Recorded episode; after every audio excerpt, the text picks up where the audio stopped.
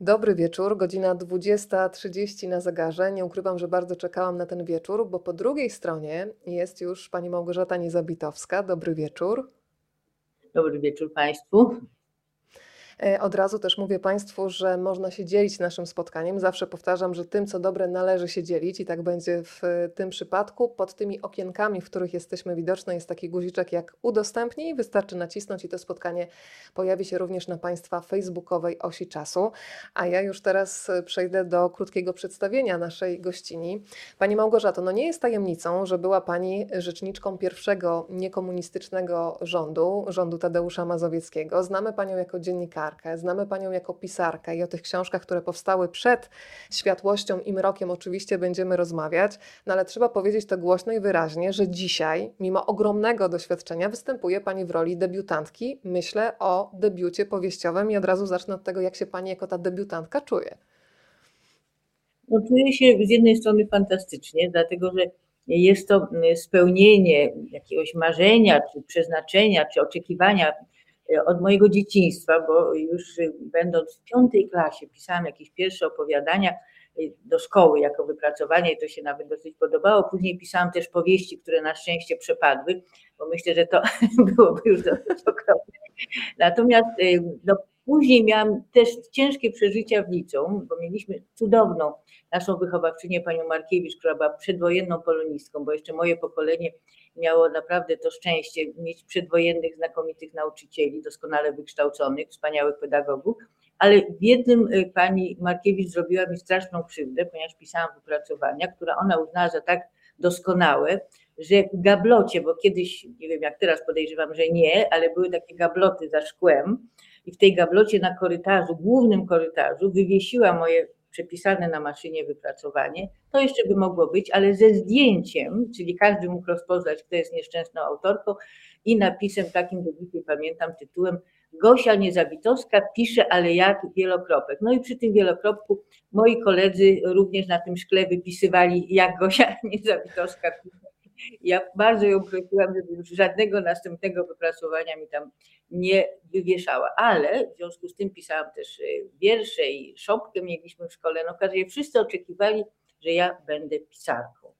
Również moja rodzina. E, I złożyło się tak, że właściwie nią długi czas nie byłam, bo e, chciałam iść do szkoły filmowej, ale trzeba było po studiach magisterskich, więc poszłam na prawo, później mój świętej pamięci ojciec się ciężko rozchorował, nie mogłam wyjechać do Łodzi, poszłam na dziennikarstwo, no i tak się ułożyło, że byłam dziennikarką, reporterką, później tak jak pani wspomniała książki, ale to wszystko było non-fiction, no i wreszcie no taki późny debiut, no ale się zdarzył.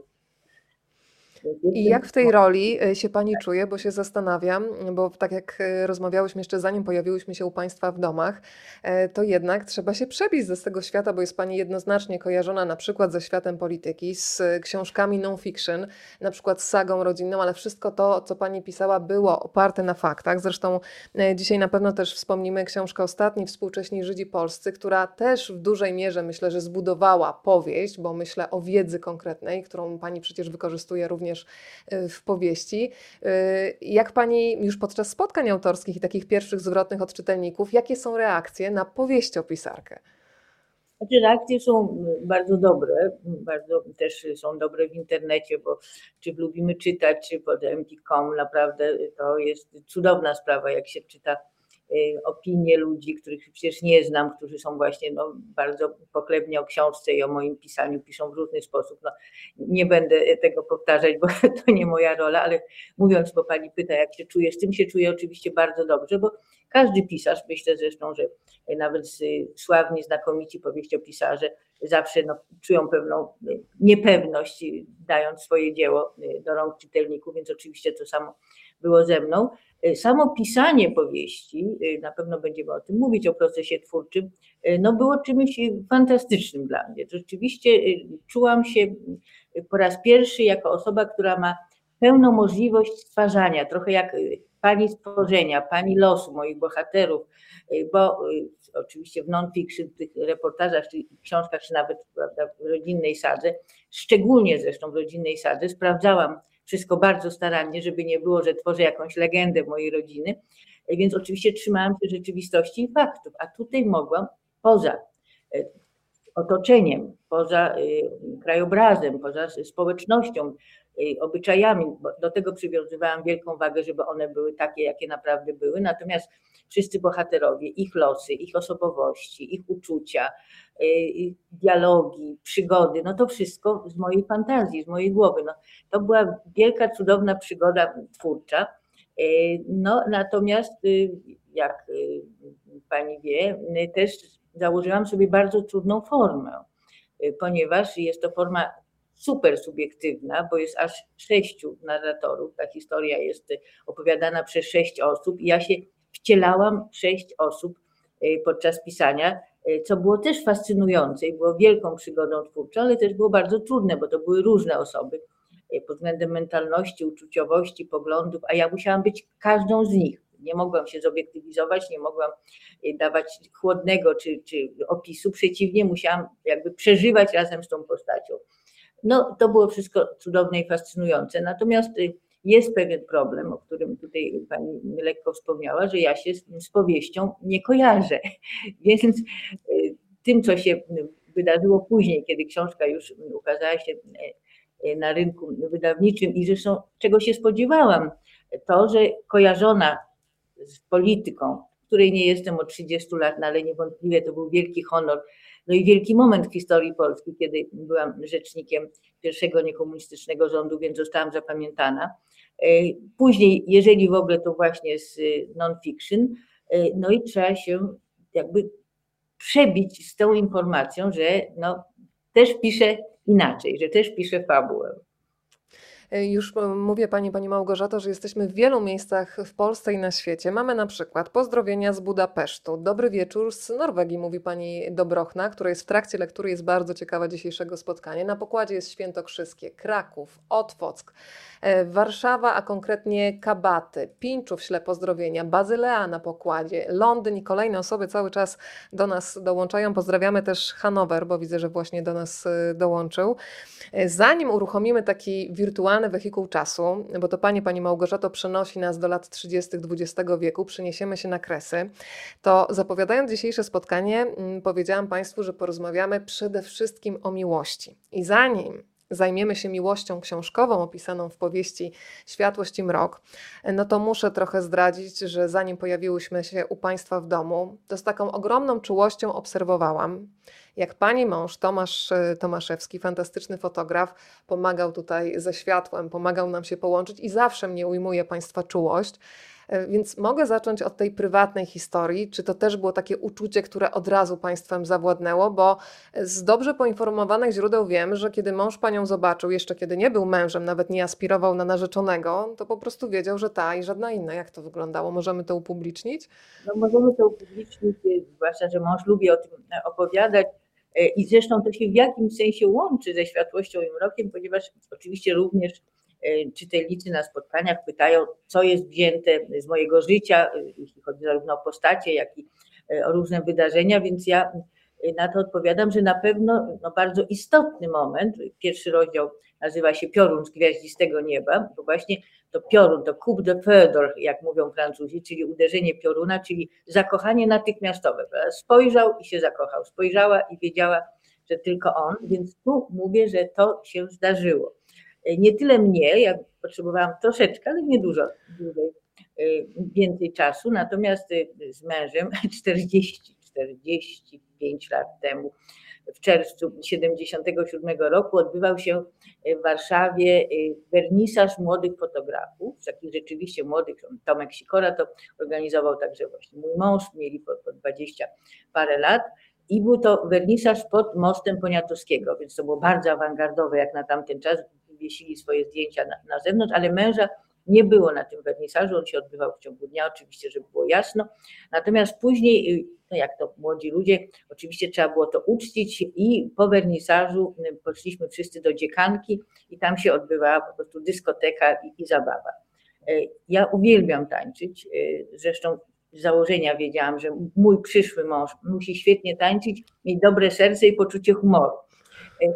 Te, dobrze tańczyć było prawie na pierwszym miejscu. No więc od razu y, tańczyłam przez cały czas, a w dziekance wyglądało to tak, nie wiem jak jest teraz, czy w ogóle co tam się w ogóle dzieje, ale w każdym razie, że się wchodziło, były schody i jakby poniżej był ten parkiet, więc mąż wszedł, stanął na tych schodach i teraz już mówię to, co on mówi, zobaczył białego anioła, czyli mnie i powiedział sobie ta albo żadna. A dlaczego biały anioł, abstrahując od włosów? Ja byłam ubrana w prześcieradło, a dokładnie rzecz biorąc strój uszyty z białego prześcieradła, bo to były czasy, gdzie nie było żadnych materiałów i udało mi się dostać z cienkiego płócienka dwa prześcieradła i krawcowa uszyła mi wąskie spodnie i tunikę, która była przepasana pasem, więc rzeczywiście byłam cała na biało w tym, w tym tłumie. No i mąż podszedł do Tomka Sikory, zapytał się, kto to jest ta dziewczyna, no dowiedział się, podszedł, to mnie przedstaw, na tym parkiecie Tomek podszedł, zaczęliśmy tańczyć, tańczyliśmy do rana, a po sześciu miesiącach był ślub. Szybko, prawda? Było szybko. Tak. Wielka miłość, no właściwie na co czekać, więc się pobraliśmy. I zresztą tutaj, jeżeli jeszcze pozwoli Pani na wspomnienie, to też było zupełnie urocze, bo postanowiliśmy się pobrać. Tomek się oświadczył mojemu, mojemu tacie. E, no i jakoś tak właściwie mamy się pobrać, pobrać, tylko że zapomnieliśmy pójść żeby umówić ślub w kościele. No więc wreszcie się wybraliśmy zresztą do kościoła, który jest kościołem teraz księdza Popiełuszki. I on nam zresztą dawał ślub. Wtedy jeszcze nie był, nie był znanym, wspaniałym księdzem od, od prawda, patriotycznych mszy, tego, to jeszcze nie był ten czas, ale poszliśmy do mm, kancelarii i siedzimy, jest ileś par, wszystkie pary jakieś takie dziwnie ponure, no my szczęśliwi tam się tulimy, żartujemy i tak dalej. Wreszcie wchodzimy, siedzi ksiądz, no i y, Tomek zaczyna, mówi, proszę księdza, my tu prosimy o bardzo szybki termin, bo my się musimy bardzo szybko pobrać. Ksiądz tak się na nas patrzy, mówi, no tak, moje dzieci, tak, no musicie się szybko pobrać. A Tomek mówi, tak, proszę księdza, bo my się bardzo kochamy. Ksiądz się zaczął strasznie śmiać i mówi, no to jesteście pierwszą parą, która z tego powodu tutaj do mnie przychodzi, żeby się szybko pobrać jak się domyślamy, inni po prostu była wpadka, ciąża, no i trzeba było się szybko pobrać. U nas nie było wpadki, natomiast w miesiącu poślubnym i 9 miesięcy i 5 dni po ślubie urodziła się Maryna. Także mieliśmy rzeczywiście szybkie tempo.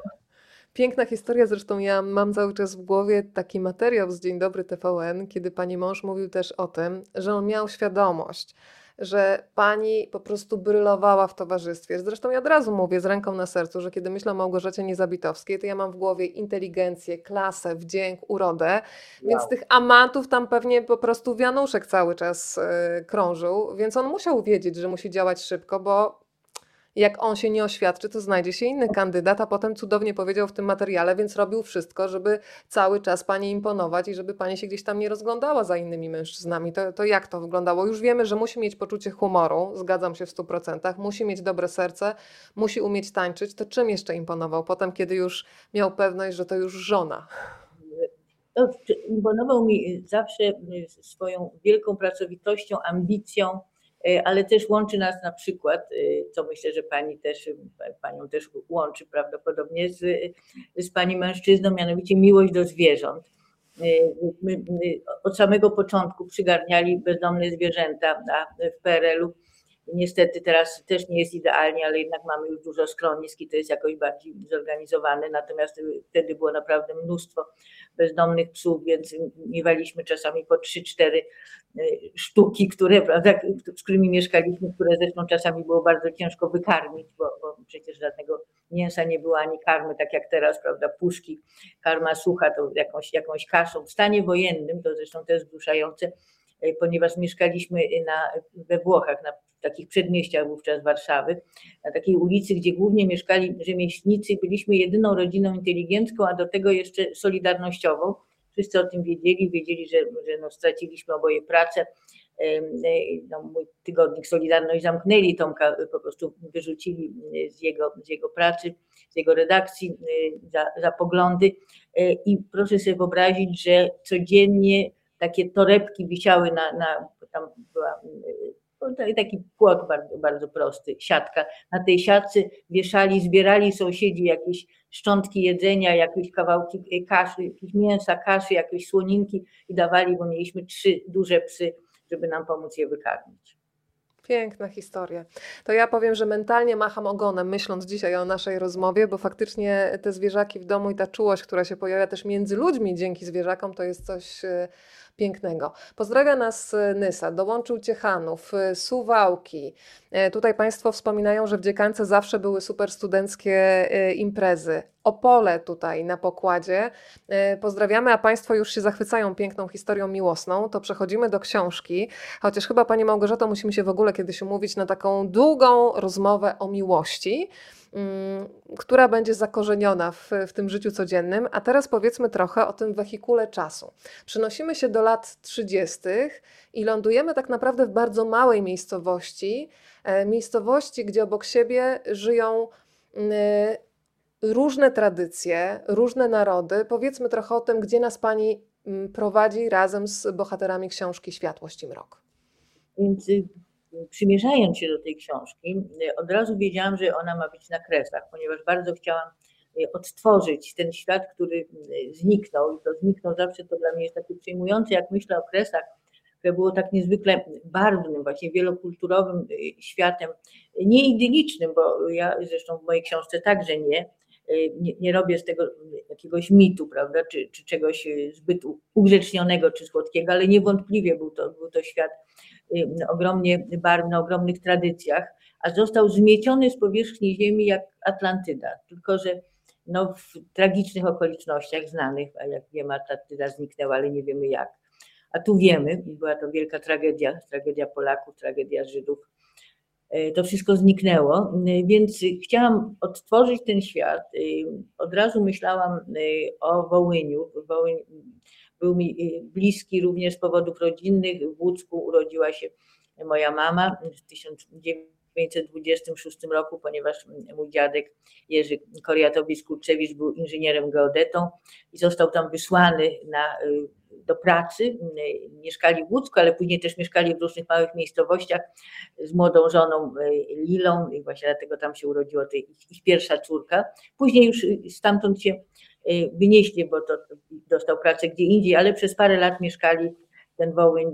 Później wracał w opowieściach dziadków, a generalnie była, była to taka typowa u moich dziadków mentalność kresowa i później po wojnie znaleźli się w Sopocie, jak wielu kresowiaków, którzy prawda, byli przesiedlani i na ulicy Mickiewicza, w takiej no, starej po niemieckiej willi, stworzyli, odtworzyli rzeczywiście tę kresową atmosferę. Było bardzo skromnie, to były lata no 40 to nie pamiętam, 50 już, czy początek 60 pamiętam. Y, I cały czas tętnił życiem. Y, był, był samowar, była zupa mojej babci, zacierkowa babcia, w przeciwieństwie do mnie niestety kompletnie brakuje mi talentu do gotowania, była wspaniałą kucharką, cokolwiek ugotowała, a ta zupa zacierkowa to było, y, wszyscy uwielbiali, to było bardzo skromne, natomiast było wesoło, było mnóstwo opowieści, bo mój dziadek był wspaniałym opowiadaczem.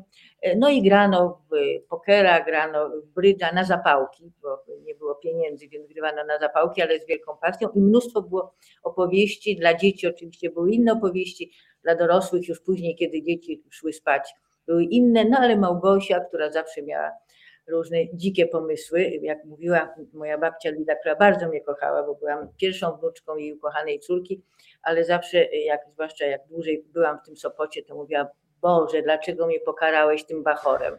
Więc to, to, właśnie, to właśnie o mnie chodziło.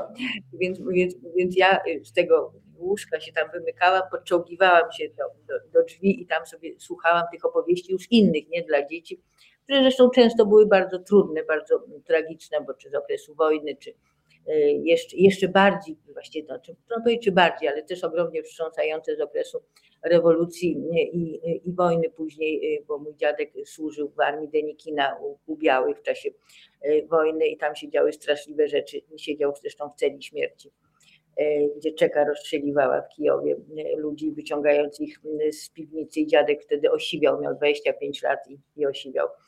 Także no, przeróżne opowieści, jak mówię, które oczywiście moją wyobraźnię nadmierną, znowu jak twierdziła rodzina zawsze, że mam nadmierną wyobraźnię e, i na przykład opowiadam moim młodszym braciom ciotecznym jakieś straszne historie, na przykład o, o wojnie atomowej i jakichś innych.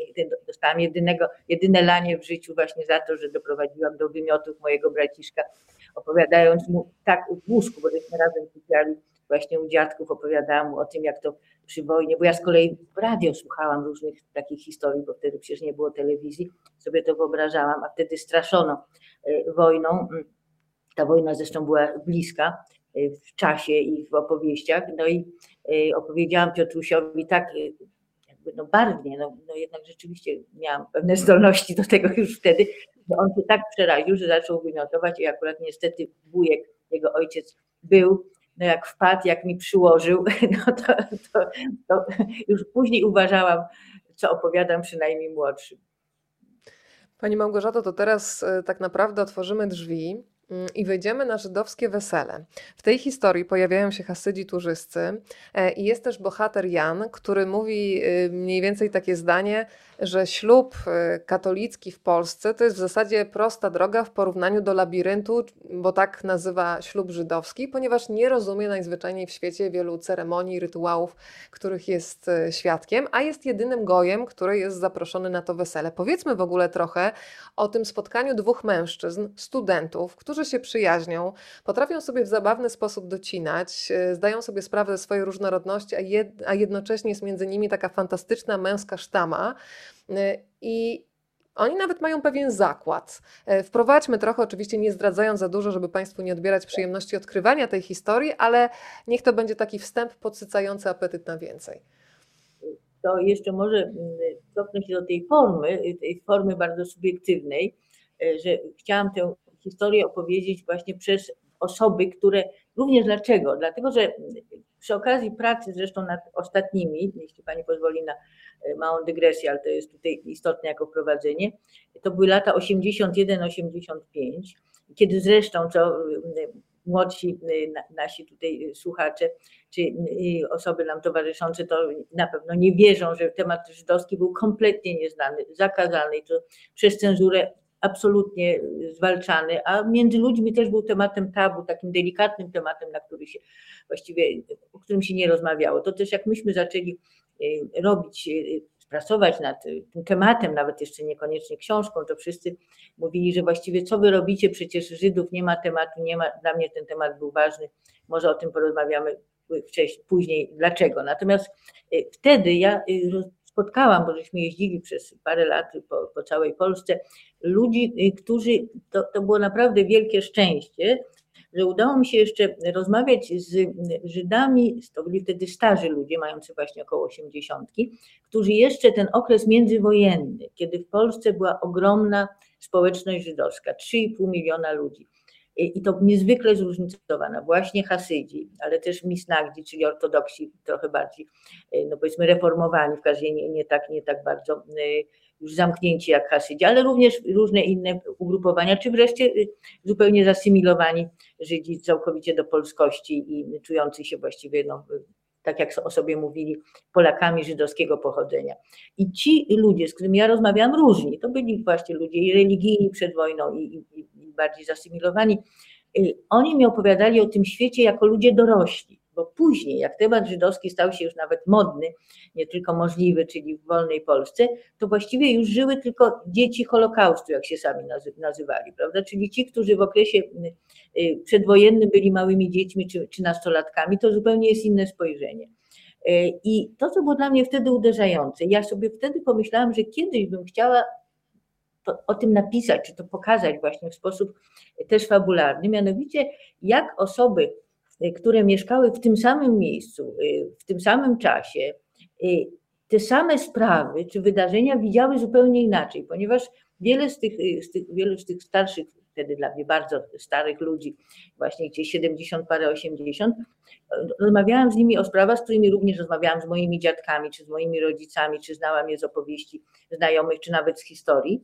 I oni je widzieli zupełnie inaczej, albo oni nie byli, te sprawy nie były dla dla tych ludzi, dla, dla Żydów, nie były ważne, te, które były jakby ważne dla, dla Polaków.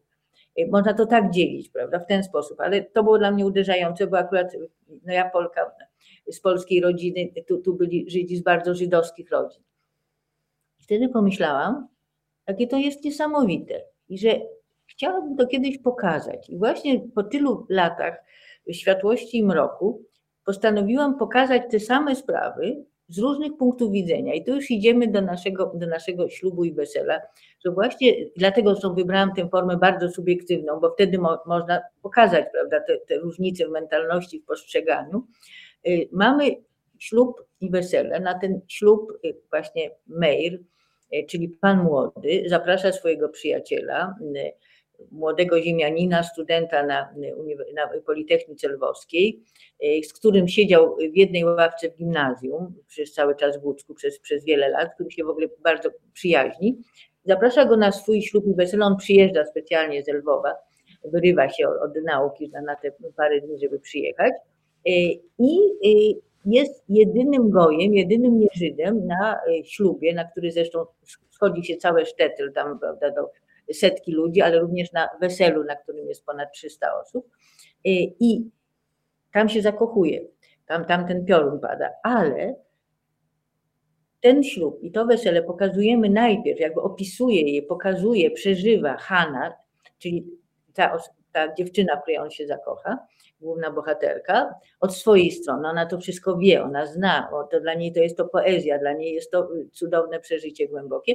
Po czym to samo pokazujemy od strony Jana, który nic tego nie rozumie, nic nie wie. Zresztą y, Meir, y, wiedząc o tym, że oczywiście, że Jan, dla Jana to będzie zupełnie nowe przeżycie, daje mu specjalnego tłumacza. Czyli Tolka Appelbauma takiego no, wykształconego bardzo y, y, y, adwokata z, z Krakowa, który po pierwsze tłumaczy, bo wszystko jest albo widzisz, albo po hebrajsku, albo po aramejsku, jeśli chodzi o modlitwy, ale też tłumaczy mu obyczaje, opowiada mu, co, co to wszystko znaczy, bo on zupełnie nie rozumie na przykład, to tak jest, jeden przykład tutaj taki bardzo prosty dam, że na początku się Janowi wydaje, i to bardzo go dziwi, że wszystkie kobiety mają rude włosy.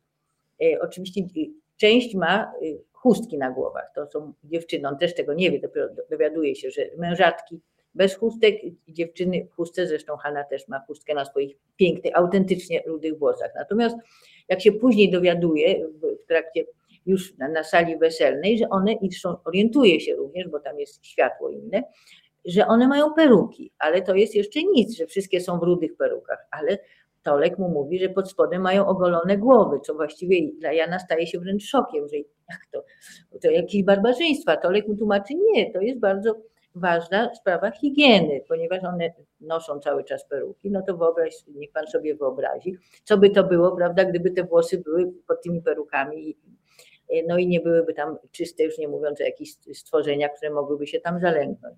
Więc y, pokazuję to od dwóch stron, a jeszcze od trzeciej, bo żeby to obrócić, obracam trzy razy tym samym obrazem, żeby czytelnikowi dać pełnię. E, trzecia osoba to jest Chaim, to jest brat mm, obu sióstr, ponieważ panna młoda to jest siostra e, Hany, to jest ich brat Chaim, który jest wyklęty przez rodzinę do tego stopnia, że właściwie jest uznany za umarłego, odprawiono po nim shiwę, czyli siedmiodniową żałobę, nie wolno wypowiadać jego imienia ponieważ jest właśnie wykluczony i tak jakby umarł i został pochowany, a nawet gorzej, ponieważ żyje, to dla matki na przykład jest to straszne przeżycie, bo nie może mówić, nawet wymieniać imienia ukochanego syna. W każdym razie Chaim się tam pojawia, on siedział w więzieniu, zresztą wiele lat, już pięć lat wcześniej uciekł z tych, z tych kołek i podgląda to wesele, e, ponieważ no, nie może się na nim pokazać, bo wie, że wtedy będzie no, właściwie jakaś afera, czy jakaś, jakaś awantura, nie chce zepsuć swojej siostrze, którą bardzo, bardzo kocha Sarę, czyli pannie młodej, nie chce zepsuć ślubu i wesela.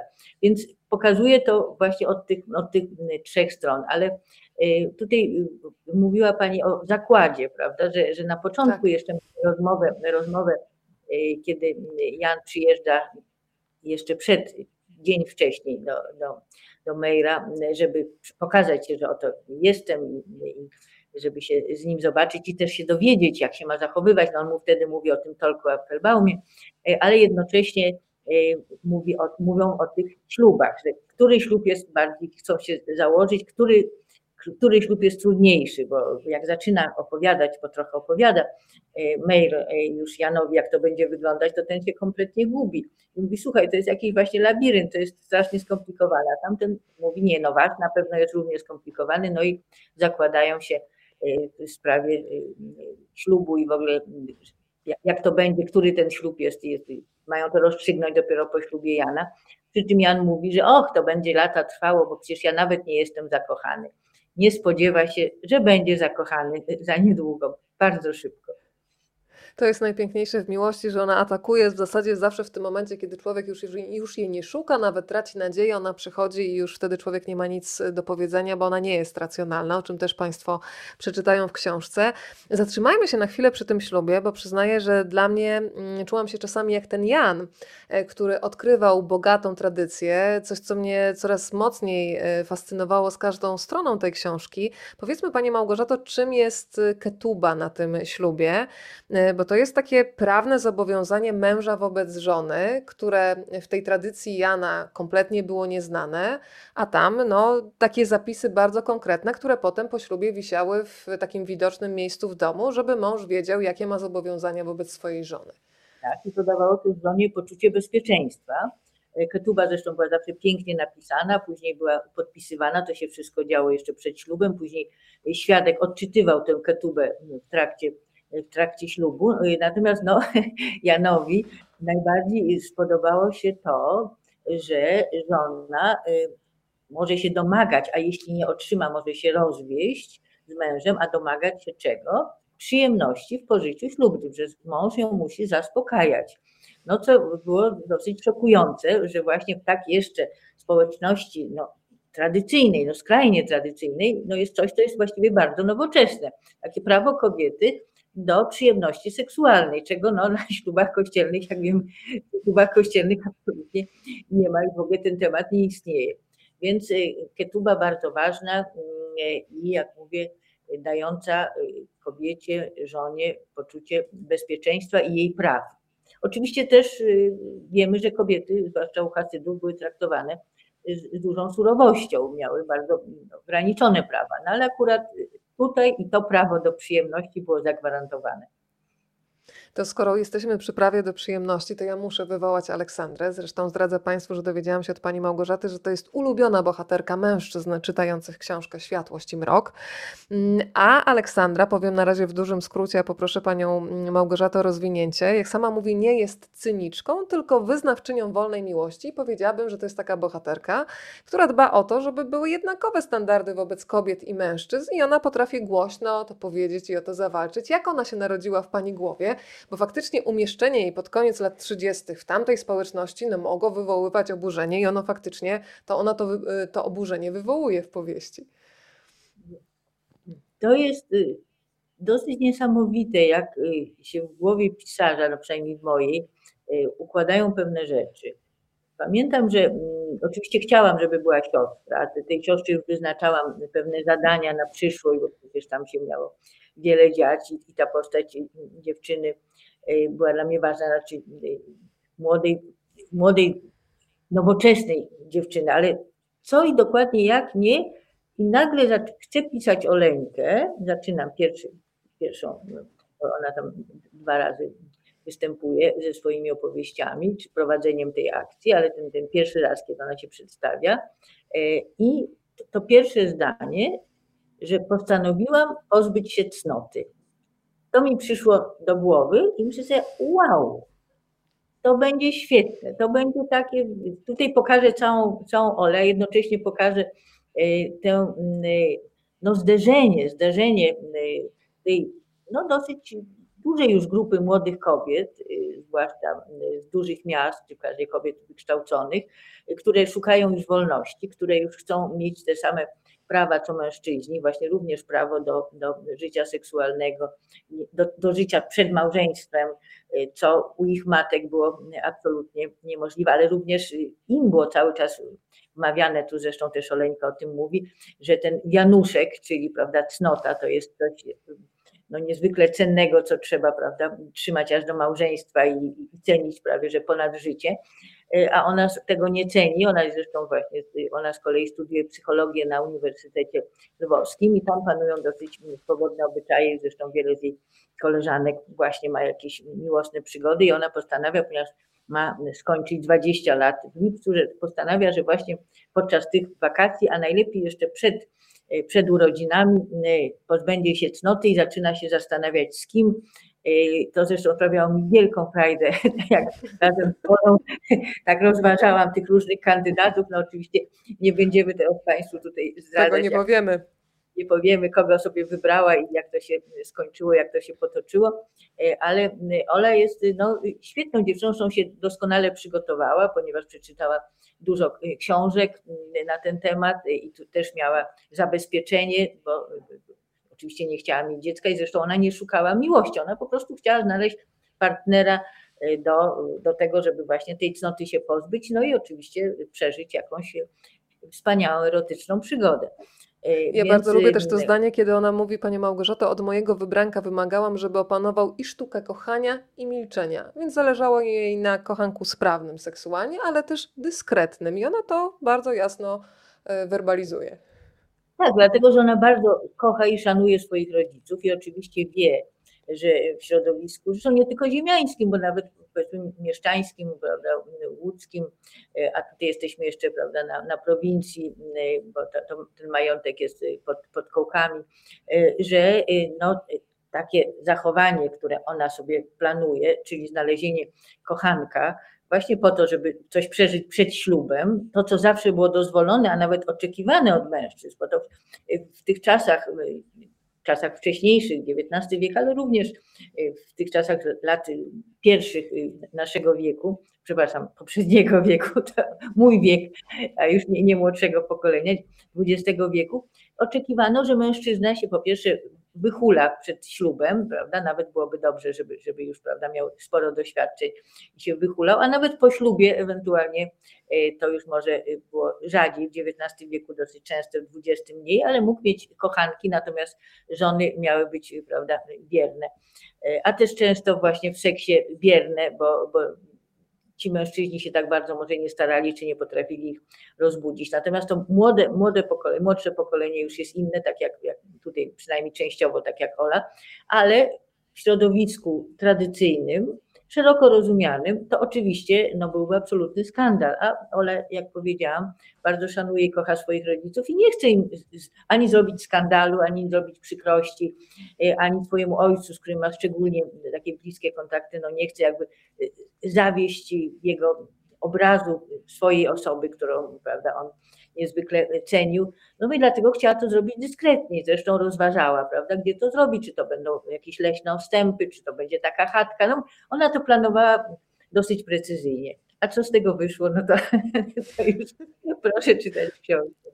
Pani Małgorzato, pojawiają się pytania, więc ja zawsze mówię, że Państwo są pełnoprawnymi uczestnikami tych spotkań. Pan Damian nie dowierza, jeżeli chodzi o ketubę, czy to wszystko jest zapisane faktycznie w umowie i na ścianie? No, jak przeczytałam w książce, na widocznym miejscu w domu, więc e, tutaj tak. doprecyzujmy Pani Małgorzato, bo tutaj jest męskie niedowierzanie.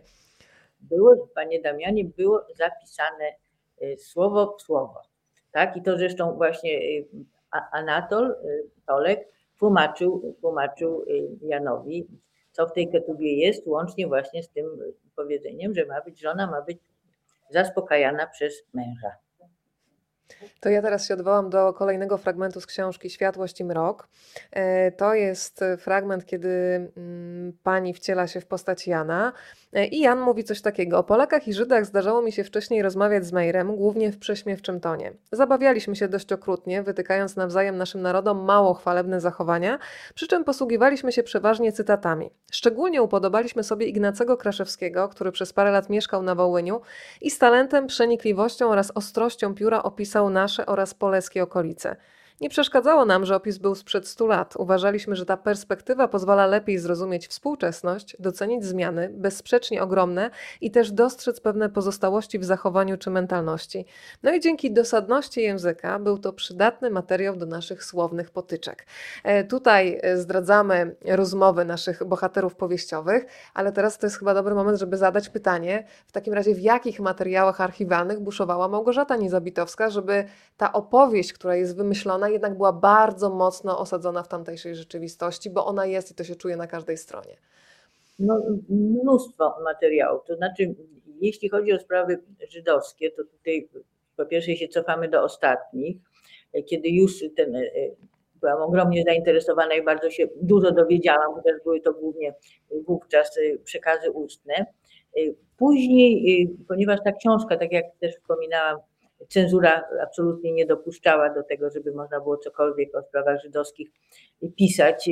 Powiem tylko, żeby zobrazować to, bo myślę, że to zawsze jest dobre, że kiedy w 1982 roku, czyli w stanie wojennym, w drugiej połowie roku napisałam dla Tygodnika Powszechnego, a Tygodnik Powszechny, powiem tym, e, którzy e, wtedy nie, nie, nie, nie żyli, a w każdym nieświadomie, to był właściwie takie jedyne pismo, które wprawdzie było, podlegało cenzurze, ale było wewnętrznie wolne. Pismo inteligencji katolickiej, która właściwie dla całej polskiej inteligencji była naprawdę no po prostu jedynym legalnie wychodzącym pismem, na którym, które czekaliśmy, które czytaliśmy i w którym drukować zresztą też było wielkim zaszczytem. Więc y, do, do tygodnika napisałam o Solidarności Rolników Indywidualnych reportaż, jak mówię, w stanie wojennym, gdzie oczywiście Solidarność była już zakazana. I to jeszcze, jeszcze przeszło, było troszeczkę cięć, ale przeszło. Natomiast niedługo potem wysłałam Jerzemu Turowiczowi pierwszy taki duży wywiad, który już miał ewentualnie pójść do tej przyszłej książki. Polak, który próbuje być Żydem ze, Stanisławem Krajewskim. Wywiad na 16 stron. Jerzy mi od razu odpisał, słuchaj, to jest y, niezwykle ciekawe, to jest w ogóle fantastyczny materiał, zresztą historia Staszka fantastyczna, y, ale w ogóle nie ma żadnej szansy. Jedyną szansą będzie 40. rocznica powstania w getcie, która będzie w kwietniu 83 roku, czyli poczekamy 8 miesięcy na druk y, na próbę druku tego wywiadu. I rzeczywiście, bo wtedy my możemy coś o Żydach jako tygodnik katolicki, trochę od strony religijnej, ale trochę też możemy przemycić ten wywiad. No więc po tych ośmiu miesiącach na 16 stron ukazało się 8, bo resztę zdjęła cenzura. Więc to tutaj pokazuje, jak, że nic nie było, nic nie było wiadomo. Więc część tej mojej książki wyszła w podziemiu, całość ukazała się w Ameryce. Ja byłam na Harvardzie i robiłam e, wtedy e, z jednej strony promocję tej książki, co było są dla mnie zdumiewające, bo w Polsce to się trzeba było mieć znajomości w księgarni, żeby dostać dobrą książkę i tylko się walczyło o książki, a tam trzeba było je promować. Pierwszy raz się z tym zetknęłam, co teraz jest zupełnie naturalne.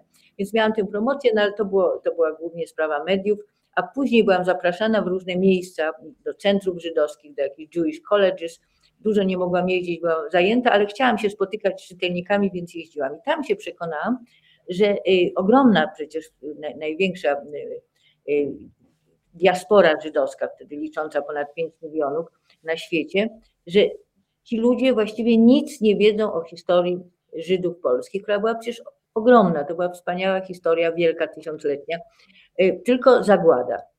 Oczywiście, to co jest wiadome jest, jest, jest zagładą to jest zagłada. Nie zdawali sobie sprawy z tego, z tego wielkiego, wspaniałego świata, bardzo urozmaiconego polskich Żydów, którzy tutaj, jak mówię, żyli przez całe stulecia, zresztą znaleźli bezpieczny azyl, bo dlaczego tu byli? Bo gdzie indziej byli prześladowani, skądinąd byli wyrzucani, mordowani po kolei. Anglia, Hiszpania, e, Francja, Włochy, zewsząd byli wyganiani i znajdowali ten bezpieczny azyl w Polsce. I wtedy pomyślałam, że jak wróciłam do Polski, oczywiście nie od razu, jak już mieliśmy moment, kiedy można to było robić, czyli po 1989 roku, że byłoby wspaniale, żeby powstało Muzeum Historii Żydów Polskich, zarówno dla diaspory żydowskiej, ale również dla Polaków, którzy nic o tym nie wiedzą. No i wtedy właśnie zaangażowałam się od, od początku w tę, w tę historię i przez następne 20 parę lat y, w tym uczestniczyłam. Mówię o tym wszystkim, po pierwsze, żeby w ogóle troszeczkę pokazać, jak, jak to było, ale również dlatego, żeby pokazać swoje naprawdę głębokie zainteresowanie sprawami żydowskimi. Więc wiedziałam bardzo dużo o sprawach żydowskich, cały czas idę do researchu, trzymam temat, natomiast y, akurat o Hasydach nie bo tak się złożyło, że wśród tych moich rozmówców przy ostatnich mm, nie było Hasydów, bo już w Polsce nie było Hasydów, nikt z Hasydów nie został. E, natomiast Polin również, na, jeśli chodzi bardzo to jest bardzo przecież ogromna, zróżnicowana historia, ale właśnie Hasydzi tam mały, ma, mało są reprezentowani. Więc to było coś dla mnie zupełnie nowego. No, mnóstwo czytałam, czytałam e, oczywiście zarówno e, historię, ale też e, częściowo jakieś wyjątki nawet z Talmudu, prawda, żeby, żeby wejść w to myślenie, ale też no, cudowną książkę, która jest moją, jeżeli tutaj mam przytaczać jakieś książki, ulubioną książką, to jest Dziewięć, dziewięć bram Jerozolimy. To jest jakby opowieść czy wejście te, te bramy Jerozolimy mają prowadzić, tak jak to autor w podtytule pisze, do tajemnego świata Hasydów. To są, to są wspaniałe opowieści młodego mm, Czecha, który przed pierwszą wojną, inteligent czeski, wykształcony, nagle czuje jakąś wolę Bożą i udaje się do Bełża, do e, bardzo znanego cadyka Rokeocha, to bardzo sławny, sławny ród cadyków i tam staje się, zresztą to niesamowite dla niego przeżycie, bo to przecież bardzo takie biedne, prymitywne miejsce, zostaje tym uczniem, staje się hasydem, a jednocześnie jako no, człowiek no, wybitnie inteligentny i wrażliwy, wysłuchuje tych opowieści i później w takim wspaniałą, mistyczną, przedziwną opowieść o, o życiu Hasydów i o, i o tych głównych rabinach i cadykach opisuje. Więc zarówno bardzo konkretne sprawy dotyczące mm, obyczajowości, y, to, to tutaj jakbyśmy tak kamerą poszły po tym pokoju, bo tu, tutaj to mam bibliotekę, ale z tej strony mam taki ogromny stół i tam są takie stosy książek na różne tematy, więc właśnie na przykład dotyczące religii y, żydowskiej, y, oczywiście, bo Hasydzi w sensie obyczajowości, znaczy czy właściwie samej religii, to, to było dokładnie takie samo jak w, u Misnagdów, czyli u Żydów ortodoksyjnych. Natomiast jeśli chodzi o obyczaje bardzo surowe, tutaj Hasydzi już się, tutaj już się Hasydzi różnili. Również różnili się, nie mówię o księgach, bo księgi te same, prawda? Tora, Talmud, czyli Miszna i Gemara, czyli Miszna, czyli prawa, i Gemara, czyli komentarze i różnego typu przypowieści, legendy, rozważania moralne. To jest Talmud, Talmud babiloński, 40 prawie tomów i każdy religijny Żyd powinien studiować Talmud, niezależnie od tego, czy jest lekarzem, czy jest, czy jest rolnikiem, czy jest rzemieślnikiem. Jeżeli jest religijny, powinien studiować Talmud. Natomiast różnica, to niesamowita, taka, powiedziałabym, do obejrzenia, do, do, do, do pokazania, do opisania między Hasydami a innymi religijnymi Żydami jest taka, że u Żydów jest, innych Żydów religijnych, to jest to judaizm rabiniczny, czyli judaizm księgi. Oni są głównie skupieni na studiowaniu i święta i wszystko obchodzi się oczywiście w sposób no, powiedzmy podobny w tym sensie, że na przykład jest radość tory, to, to z torą obchodzą, obchodzą bimę trzymając torę, żeby tam jakiś dać przykład. Natomiast u Hasydów to jest głównie radość, radość przeżywania, mniej się czyta księgi, chociaż oczywiście... Taka ludyczność te, chyba też, prawda? Ludyczność, ale też przeżywanie, oni, każdy czyn, który wykonują, to jest modlitwa. E, I jednocześnie ogromna e, radość przeżywania nawet jest to, nazywa się to takie uniesienie modlitewne, hasewuit, które w bożnicy czy w synagodze podczas modlitw oni przeżywają, czyli śpiewają, a później zaczynają tańczyć. To są te sławne tańce, prawda, hasyckie, kiedy mężczyźni się łączą w koło, czy, czy ramionami, czy, czy w ten sposób, czy kładąc rękę na plecach i oddają się takiemu taniec, który, który właściwie wprowadza ich w pewien nawet trans modlitewny i taką ogromną radość i miłość do Pana Boga wykazują nie właśnie tym skupionym czytaniem księgi, jak to czynią inni, tylko tańcem, śpiewem, radością. Więc y, no, tu jest różnica dosyć zasadnicza, powiedziałabym. I tego oczywiście o tym wszystkim czytałam, tego wszystkiego się uczyłam, to wszystko próbowałam sobie wyobrazić.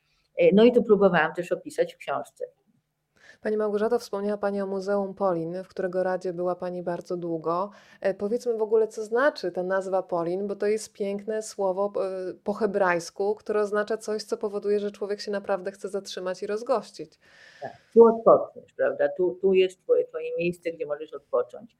E, I no to, co, mm, bo też dla mnie było, jeśli mogę się cofnąć do Ameryki, moich spotkań tam bo y, te spotkania, jak jeśli później ktoś uważał, że nie byłam najgorsza jako rzeczniczka rządu, przecież nie miałam żadnego doświadczenia, też są tak jak cały rząd, przecież nikt z nas nie wiedział, jak się wykonuje y, pracę ministra, tym bardziej premiera, ale też rzecznika, więc jeżeli ktoś uznał, że że robiłam to nie najgorzej, to w dużej mierze jest to zasługa moich spotkań amerykańskich, ponieważ ja stawałam przed ogromnymi gremiami, bo muszę powiedzieć, że jakoś to Remnants, The Last Jews of Poland, czyli właśnie ostatni współcześni Żydzi polscy, cieszyli się tam bardzo dużą popularnością, nagrody zdobyłam, ale przede wszystkim ściągały bardzo dużo ludzi. No, najmniej to było powiedzmy 400 osób, ale na przykład w Jewish Center w Detroit to było 2,5 tysiąca, czyli właściwie tyle, co w, całym, w całej Polsce w, w kongregacji. I stawałam przed tą, tą publicznością, że tak powiem, przed, tą, przed tym audytorium. Jeśli o mnie chodzi, bo robiłam taką prezentację, pokazywałam zdjęcia, opowiadałam historię, zarówno prawda, naszej pracy, jak i oczywiście historię bohaterów. I za każdym razem no, tam wstawali ludzie i mówili, no pani, pani Małgorzato i pani mąż, to wy jesteście jak sprawiedliwi wśród narodów świata, powinniście mieć nawet drzewko w Yad Vashem, bo kto ratuje pamięć, to tak jakby ratował życie, a wyście uratowali pamięć. Natomiast, to było od razu, natomiast Polacy, no i tutaj dopiero było, Polacy właściwie gorsi od Niemców. Całkowite nieznajomość, nieznajomość historii, o czym wspominałam wcześniej, tylko zagłada, no i że w Polsce, no w Polsce dlaczego, bo Polacy antysemici, prawda, i i, i, i przyczynili się, pomagali i tak dalej. Abstrahując od tego, że oczywiście wiemy, że bywało różnie, no ale na pewno nie, nie tak, że, że Polacy zrobili zagładę, prawda, i że, to było robione polskimi rękami. I tutaj ja byłam na to kompletnie nieprzygotowana, bo nie zdawałam sobie sprawy ani z tego, że nic nie wiedzą, ani z, tak, z takiego rodzaju antypolonizmu. No i oczywiście zaczynałam to tłumaczyć. Y, bo było zawsze, no a dlaczego? Bo to było takie kolejne pytanie, było, no, które nie było pytaniem, bo ten, który pytał, on dokładnie, czy ona wiedzieli, znali odpowiedź. No przecież dlaczego obozy koncentracyjne były w Polsce? No to ja mówiłam, no właśnie, dlaczego obozy koncentracyjne były w Polsce? Oczywiście oni uważano, no bo Polacy antysemici. Ja mówię, a dla, dlatego, że w Polsce było 3,5 miliona Żydów. A dlaczego było 3,5 miliona Żydów? Pytam salę. Cisza. Mówi, a dlaczego we Francji było 100 tysięcy Żydów, a tam było tylu, a tam tylu, a w Polsce 3,5 miliona? Czy dlatego, że tak było strasznie, to był taki straszny kraj? Dlaczego oni się u nas znaleźli?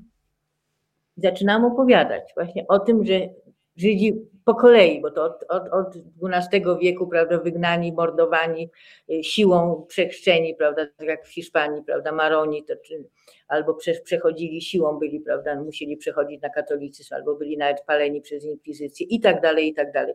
Przyjeżdżali do Polski, dostawali prawa i to niekiedy bardzo, y, bardzo takie mm, bardzo dobre prawa, tak jak, jak prawda, jeszcze w czasach nawet w XIII-XIV wieku. I tutaj nie, nie powiem, że to był ideał. Oczywiście, że były pewne napięcia, ale w porównaniu z tym, co, co było gdzie indziej, no to było to nieporównywanie dobre. I stąd, mówiąc o Muzeum Polin, prawda, i o nazwie Polin, stąd w XVI wieku właśnie zaczęto nazywać Polskę tu odpoczniesz, w tym, w tym miejscu, gdzie, gdzie możesz żyć, w tym miejscu, gdzie możesz normalnie pracować. Zresztą do, do tego stopnia pozytywnego to doszło, że przecież Żydzi przez prawie dwa wieki mieli swój Sejm. To był Sejm czterech ziem i mieli bardzo szeroką autonomię y, i sami się rządzili. Oczywiście do pewnego stopnia, no jak to bywało, prawda, w królestwach. Więc, więc y, Polin, y, jestem niezwykle szczęśliwa, że to muzeum powstało ponieważ zarówno dla e, Polaków, jak i dla e, Żydów e, to jest bardzo ważne miejsce, w którym wreszcie mogą zobaczyć to żydowskie życie, to polsko-żydowskie życie i to właśnie, no, między innymi niestety, dlaczego zagłada była w Polsce. Pani Małgorzato, wspomniała Pani o tych rozmowach i obecności na Harvardzie. E, będziemy dzisiaj tak krążyć, skręcać pomiędzy Pani życiem, a tym życiem naszych książkowych bohaterów. Mówię już naszych, bo też są już w moim sercu i w głowie zapisani na twardym dysku. Ale zastanawiam się, czy będąc w Ameryce, przeszło Państwu przez głowę, że może nie ma sensu wracać. Bo wiem, że to pytanie wielokrotnie Wam zadawano, kiedy pracowaliście innymi dla National Geographic, że w zasadzie Dlaczego wy chcecie wracać? Jaka była odpowiedź?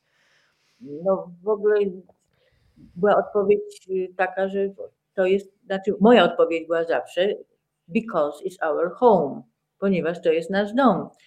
Ja muszę powiedzieć, zawdzięczam to moim dziadkom. To nie, że ja taka wspaniała, głęboka, głęboko patriotyczna i przywiązana do ojczyzny, bo jestem, ale jestem dlatego, że zostałam wychowana zarówno zresztą przez dziadków Kurtewiczów, jak i Niezabitowskich w głębokim poczuciu y, odpowiedzialności za kraj, y, tego, że trzeba krajowi służyć, a im gorzej, tym bardziej trzeba służyć, a nie brać nogi zapas, prawda, i, i jechać w lepsze miejsca.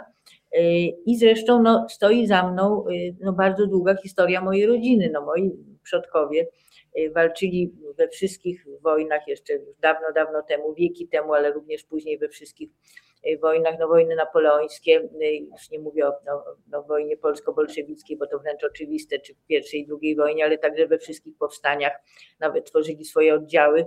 No to jest bardzo zobowiązujące i w tym mnie wychowano i było dla mnie tak naturalne, że w ogóle naprawdę to, zresztą to jest, to było fantastyczne, że ja nie miałam żadnych rozterek mówię o tym, że fantastyczne, bo to jest wspaniała rzecz mieć taką głęboką przynależność do miejsca i naprawdę czuć wielki związek ze swoim krajem. E, oczywiście to czasami jest bolesne, bo jak jest źle, to człowiek się denerwuje, przejmuje, e, próbuje coś zmienić. Jak może coś zmienić, to jeszcze dobrze czasami, prawda? Nie może i można popadać w jakiś rodzaj beznadziejności. Różnie to bywa. Niemniej samo to, że wie się, gdzie jest człowieka miejsce na świecie, to daje moim zdaniem ogromną siłę i też takie poczucie wewnętrznego, wewnętrznej przynależności. Więc myśmy w Ameryce, to też mogę powiedzieć, mieliśmy naprawdę bardzo duży, obiektywny sukces amerykański. Nie, nie na, na miarę polską czy jakąś inną, tylko po prostu amerykańską, bo wyszła nasza książka, o której wspominałam, bardzo dobrze przyjęta. Dostaliśmy zamówienie w National Geographic na reportaż pod tytułem Discovering America, który zresztą został przyjęty bardzo dobrze i nawet y, na stulecie Geographic. Stulecie było w styczniu 1988 y, roku, a myśmy kończyli ten reportaż w 1987. Y, więc właściwie wszyscy uważali, że byliśmy jeszcze z naszą córką razem, więc całą rodziną, że naprawdę wszyscy uważali, że zostaniemy, zwłaszcza, że y, to był w Polsce bardzo smutny czas, bo to było już takie, najpierw był y, stan wojenny, walka, opór, a później jakiś taki marazm, który nikt się nie spodziewał, że za dwa lata będziemy mieli już prawda, wielką rewolucję Solidarności i, i niekomunistycznego premiera. No to, to w ogóle nawet w największej fantazji to nikomu do głowy nie przychodziło, więc raczej smutek, natomiast no, przez moment, przez moment po prostu wracamy. No i wspaniale, że wróciliśmy. Też się cieszymy bardzo, że Państwo są. Teraz sobie też o tym myślałam. Mm, ta nazwa Polin, tu odpoczniesz, że bardzo bym chciała zawsze tak myśleć o Polsce, również w kontekście wszystkich kryzysów uchodźczych, żebyśmy naprawdę z otwartymi ramionami witali wszystkich e, i też nie sposób uciec od e, takiej refleksji.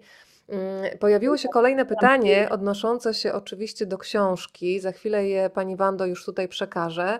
Ale skoro jesteśmy przy tych wydarzeniach, które Pani też doskonale pamięta, i tutaj niestety będzie ten wątek, y, w której tego słowa tu odpoczniesz, y, niestety nie mogliśmy wygłosić. Y, mm, myślę o roku 68. Od razu też powiedzmy Pani Małgorzato, dla tych, którzy tego czasu nie mogą pamiętać.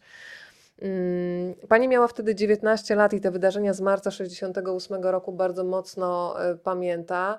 No to jest taki bardzo smutny mm, etap, e, który, jeżeli mówimy o historii żydowskiej, no to jeden z takich momentów, za który myślę, że można się wstydzić. Oczywiście z jednej strony wstydzić za to, co się działo, ale z drugiej strony też było mnóstwo fantastycznych ludzi, którzy no, swoim konkretnym zachowywaniem no, ratowali jakąś, dawali jakąś nadzieję. Przede wszystkim jednak bym powiedziała, że tu nie my mamy się wstydzić, dlatego że niewątpliwie sprawa marca 68 to była sprawa władzy komunistycznej. Nie była to władza wybrana demokratycznie, bo my się możemy teraz wstydzić za naszą władzę, no bo została w demokratyczny sposób wybrana. Natomiast wtedy nie, to było, to było narzucone, to było, to było nawet te, te wiece, które były prawda, robotnicze, to było po prostu spędzali ludzi do hali e, i dawali im transparenty studenci do nauki. Więc, więc tutaj bym powiedziała, że, że obarczanie y, Polaków za to, Polaków jako Polaków narodu jest mhm. absolutnie niesłuszne, ale wracając tak. do moich przeżyć, no niewątpliwie to w ogóle zaważyło E, na moim zainteresowaniu i na tym, że się później, lata później zajęłam właśnie sprawami żydowskimi i powstali ostatni. ta książka, ponieważ akurat tak się złożyło, jakby podwójnie się złożyło. Z jednej strony byłam na uniwersytecie, byłam na wiecu, ponieważ weszłam do Parę dni wcześniej weszłam do budki telefonicznej, bo wtedy oczywiście to nie wierzy młodzież, nie było telefonów komórkowych i w ogóle nie było telefonów, bo, bo były wielkie kłopoty z telefonami stacjonarnymi, się czekało po 20 lat, żeby dostać y, telefon do domu. E, natomiast były dużo, było dużo budek, tak zwanych automatów, które na przykład w Londynie jeszcze można zobaczyć. E, ja w, takim, w takiej budce, automacie niedaleko uniwersytetu zobaczyłam taki napis, że właśnie będziemy protestować 8 e, marca o godzinie 12 zbieramy się na dziedzińcu, więc oczywiście tam poszłam. Więc byłam na, na tym wiecu pierwszym. E, później na pałowaniu, bo po wiecu było pałowanie na krakowskim przedmieściu, udało mi się uciec. Koledzy moi, którzy, którym się nie udało, ja wpadłam do sklepu obuwniczego e, z kilkoma osobami. E, pani kierowniczka zamknęła drzwi i tyłem, tyłem, tyłem i przez magazyn żeśmy przez podwórka uciekli, a paru moich kolegów złapanych dostało po trzy miesiące aresztu i byli relegowani relegowani ze studiów, więc właściwie całe życie im się załamało. Y, później następnego dnia byłam na, y, na Politechnice, gdzie ponieważ, dlaczego? Odbył się kolejny wiec, ponieważ y, prasa i, i, również telewizja, oczywiście, ale też prasa następnego dnia cała pisała o chuliganach. Oczywiście nie, byli, nie było żadnych studentów, którzy protestowali przeciwko wyrzuceniu swoich kolegów Michnika i Schleifera z uniwersytetu, tylko że to byli chuligani, prawda, typowa propaganda, prawda, którzy chcieli, chcieli demolować miasto i dlatego prawda, byli, byli pałowani, czy policja, milicja, przepraszam, y, spełniła swój obowiązek, więc prasa kłamie. No i wobec czego był wiec na, na Politechnice, gdzie znowu poszłam. To był niesamowity wiec, ponieważ Politechnika, jak Państwo z Warszawy wiedzą, jeśli tam byli, ma takie balkony wokół, prawda, że jest, jest po prostu taką, jak takim wielkim, prawda, budynkiem, który na dole jest aula, a tutaj są balkony na ileś pięter i z tych balkonów zrzucano płonące gazety, więc myśmy byli na dole, a na nas taki, taki z czwartego, piątego, trzeciego piętra leciały te palące się gazety, a później poszliśmy pod życie, chcieliśmy pójść pod życie Warszawy na, na ulicy Marszałkowskiej, właśnie które pisało nieprawdę, między innymi tak samo jak Trybuna Ludu, no ale tam nastąpiło kolejne pałowanie i tak dalej, i tak dalej. Więc brałam udział w tych takich no, niesamowicie no, brutalnych, ale też przejmujących wydarzeniach. Studenci się zebrali, coś razem robili. Później w strajku, bo były strajki okupacyjne na Uniwersytecie na Politechnice. No a później, i to było, bo to jeszcze była walka. Walka jest dla, dla młodego pokolenia, myślę, że w ogóle jak się, jest się w walce, to jest się adrenalina, prawda, coś się dzieje, wydaje się, że, że coś uda nam się wygrać, a później, no jeżeli nie, no to jest oczywiście smutek. Ale prawdziwy smutek przyszedł w momencie emigracji bo y, tutaj powiem Państwu, jeśli ktoś nie wie, oczywiście wynikiem tego była taka kampania antysemicka, która była zresztą dla mnie ogromnym moralnym wstrząsem, y, a wynikiem z kolei tej kampanii i całych działań była emigracja y, dużej ilości polskich Żydów, którym właśnie jakby zaproponowano, czy umożliwiono, że możecie, oczywiście musicie się zrzec polskiego obywatelstwa i z tak zwanym dokumentem podróży wyjechać do Wiednia, bo tam się jechało, a stamtąd już się rozjeżdżali w różne, w różne miejsca. I to był ogromny dramat dla bardzo wielu rodzin y, i również dla mnie osobiście, ponieważ tak się złożyło, że moją najbliższą przyjaciółką, z którą cztery lata siedziałam y, liczą w jednej ławce, y, była Żenia Kacman, a moim najbliższym przyjacielem na uniwersytecie był Eryk Perłowski, nawet mówiliśmy do siebie braciszku i siostrzyczko. I oni oboje nie chcieli wyjeżdżać. E, mieli zresztą, tak się złożyło, swoich chłopaka czy dziewczynę, prawda, Żenia czy, czy, czy Eryk, swoich ukochanych, można nawet powiedzieć, którzy zostawali, to byli, to byli akurat Polacy, więc nawet wyjechać nie mogli, więc z jednej strony rozdarcie w sensie, ale też przyjaciele, no, no wszystko, prawda, oni nie chcieli, ale rodzice, rodziny postanowiły wyjechać Y, no i pamiętam te noce rozmów, y, płaczów, y, rozstań, no i później odprowadzanie na, na dworzec gdański, skąd oni wyjeżdżali. I też wielu innych, bo nie tylko oni, oni byli najbliżsi, dlatego o nich mówię, ale odprowadzałam bardzo wiele osób, bo wiele osób znajomych wyjeżdżało, wokół się zrobiła pustka. Ta kampania antysemicka, jak wspomniałam, wielki moralny wstrząs, tutaj wstrząs uczuciowy. Ja wtedy sobie obiecałam, tak jak pani wspomniała, miałam 19 lat, że ja kiedyś się tym zajmę że ja kiedyś spróbuję to zrozumieć, spróbuję to opisać. No i minęło, musiało minąć oczywiście no, ileś lat, żeby mogła do tego dojrzeć i, i wtedy dlatego się zabraliśmy z mężem za właśnie temat żydowski, który wtedy nie istniał i jak już mówiłam, wszyscy się dziwili, co wy robicie. Także stąd, stąd to się wzięło. E, Małgorzata Niezabitowska dzisiaj u Państwa w domu. Rozmawiamy o książce Światłość i Mrok, ale jak Państwo słyszą, skręcamy też w różne ścieżki, przeplatając te wątki z życia Pani Małgorzaty z opowieścią, która trafia w Państwa ręce w postaci tej książki. E, pojawiło się pytanie od Pani Wandy, więc już je przekazuję, tym bardziej, że o to też chciałam wypytać. E, pani Wanda pyta o pomysł na piękną okładkę książki. To ja powiem Państwu, że na okładce książki za projekt okładki odpowiada Paweł Pankiewicz, ale co istotne, w tym projekcie wykorzystano fragmenty reprodukcji dzieł e, pana Rossettiego. No i teraz muszę zapytać panią Małgorzatę, czy ten Rossetti jest przypadkowy, czy to jest jakaś miłość e, od dawien dawna i powiedzmy trochę w ogóle o samym twórcy, bo on też nie przez przypadek się pojawia.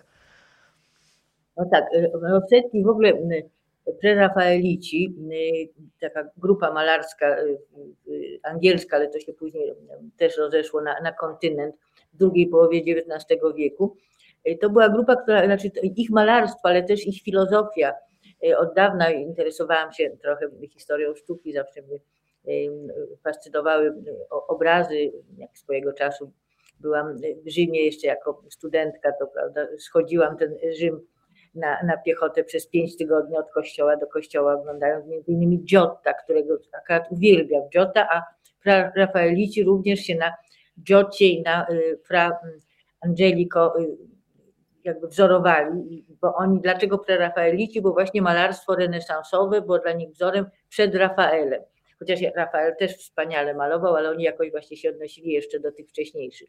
Ale też y, wielka fantazja, wielkie piękno ich obrazów, romantyzm, pewna baśniowość, przyroda, a też y, nawiązania, i tutaj zaraz będziemy o Rossetti mówić, do literatury, bo sam Rossetti, ale też prerafaelici generalnie mieli bardzo duże związki y, czy z Szekspirem, robili ilustracje, do, czy w każdym może nie tyle ilustracje, czy bardziej się, było to natchnieniem dla nich pewne sceny z szekspirowskich sztuk. A akurat y, Rossetti szczególnie był bliski, zresztą był też poetą, e, dla niego był Dante, bo on naprawdę miał na pierwsze imię Gabriel Rossetti, ale dodał sobie Dante Gabriel Rossetti i później zawsze chciał, żeby do niego mówić właśnie Dante i że to jest jego, jego imię. Więc tego Rossettiego i prarafaelitów ja miałam właśnie zdobyłam, bo to w okresie PRL-u trzeba było zdobyć, zdobyłam ich album, bo wydawano albumy, nawet niektóre bardzo piękne, tylko że w małym nakładzie i ciężko je było dostać. Więc i, i się rzeczywiście zachwycałam ich obrazami. I ta oblubienica, ten obraz oblubienica szczególnie do, mnie urzekał, bo to przepiękny, przepiękny y, obraz, a do tego to, co mnie zupełnie urzekło, a też było bardzo wyjątkowe, to, że Rossetti na ramię obrazu, co normalnie się malarze ramą już nie zajmują, prawda, tylko najwyżej ci, którzy ewentualnie kupią ten, ten obraz, czy, czy galeria, która oprawi. Natomiast Rossetti również stworzył ramę do obrazu i na tej ramie napisał fragment pieśni nad pieśniami.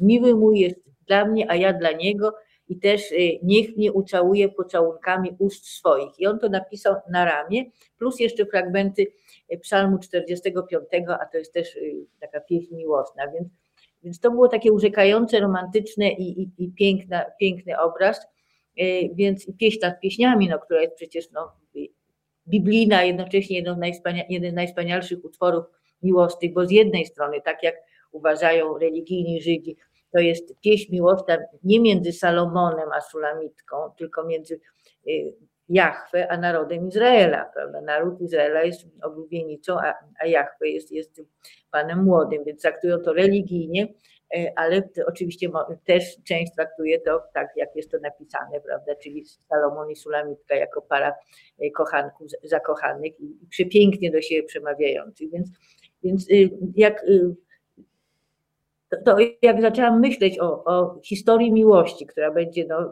osią całej mojej książki, zresztą który pisarz nie marzy, żeby napisać piękną historię o miłości. To chyba każdy by, każdy by chciał, więc ja też z, taką, z takim marzeniem, czy z taką może ambicją do mojej książki przystępowałam, to chciałam to właśnie, że musi być to coup de foudre, czyli to uderzenie piorunem, no ale ono musi być czymś, jakby, znaczy chciałam je jeszcze obudować, że to, żeby to było bardziej prawdopodobne, no, że przychodzi ten zresztą bardzo przystojny, niezwykle przystojny młody mężczyzna Jan, bo on też jest, jest, jest pięknym człowiekiem, można powiedzieć, na ten ślub i dlaczego on się nagle zakochuje w hasyckiej dziewczynie i to tak gwałtownie, prawda? Więc stworzyłam do tego całą historię, że tak jak ja, może nie, nie aż tak jak ja, bo ja nie byłam aż tak zafascynowana oblubienicą, ale też to jest jeden z moich kilku ulubionych obrazów z całej historii sztuki.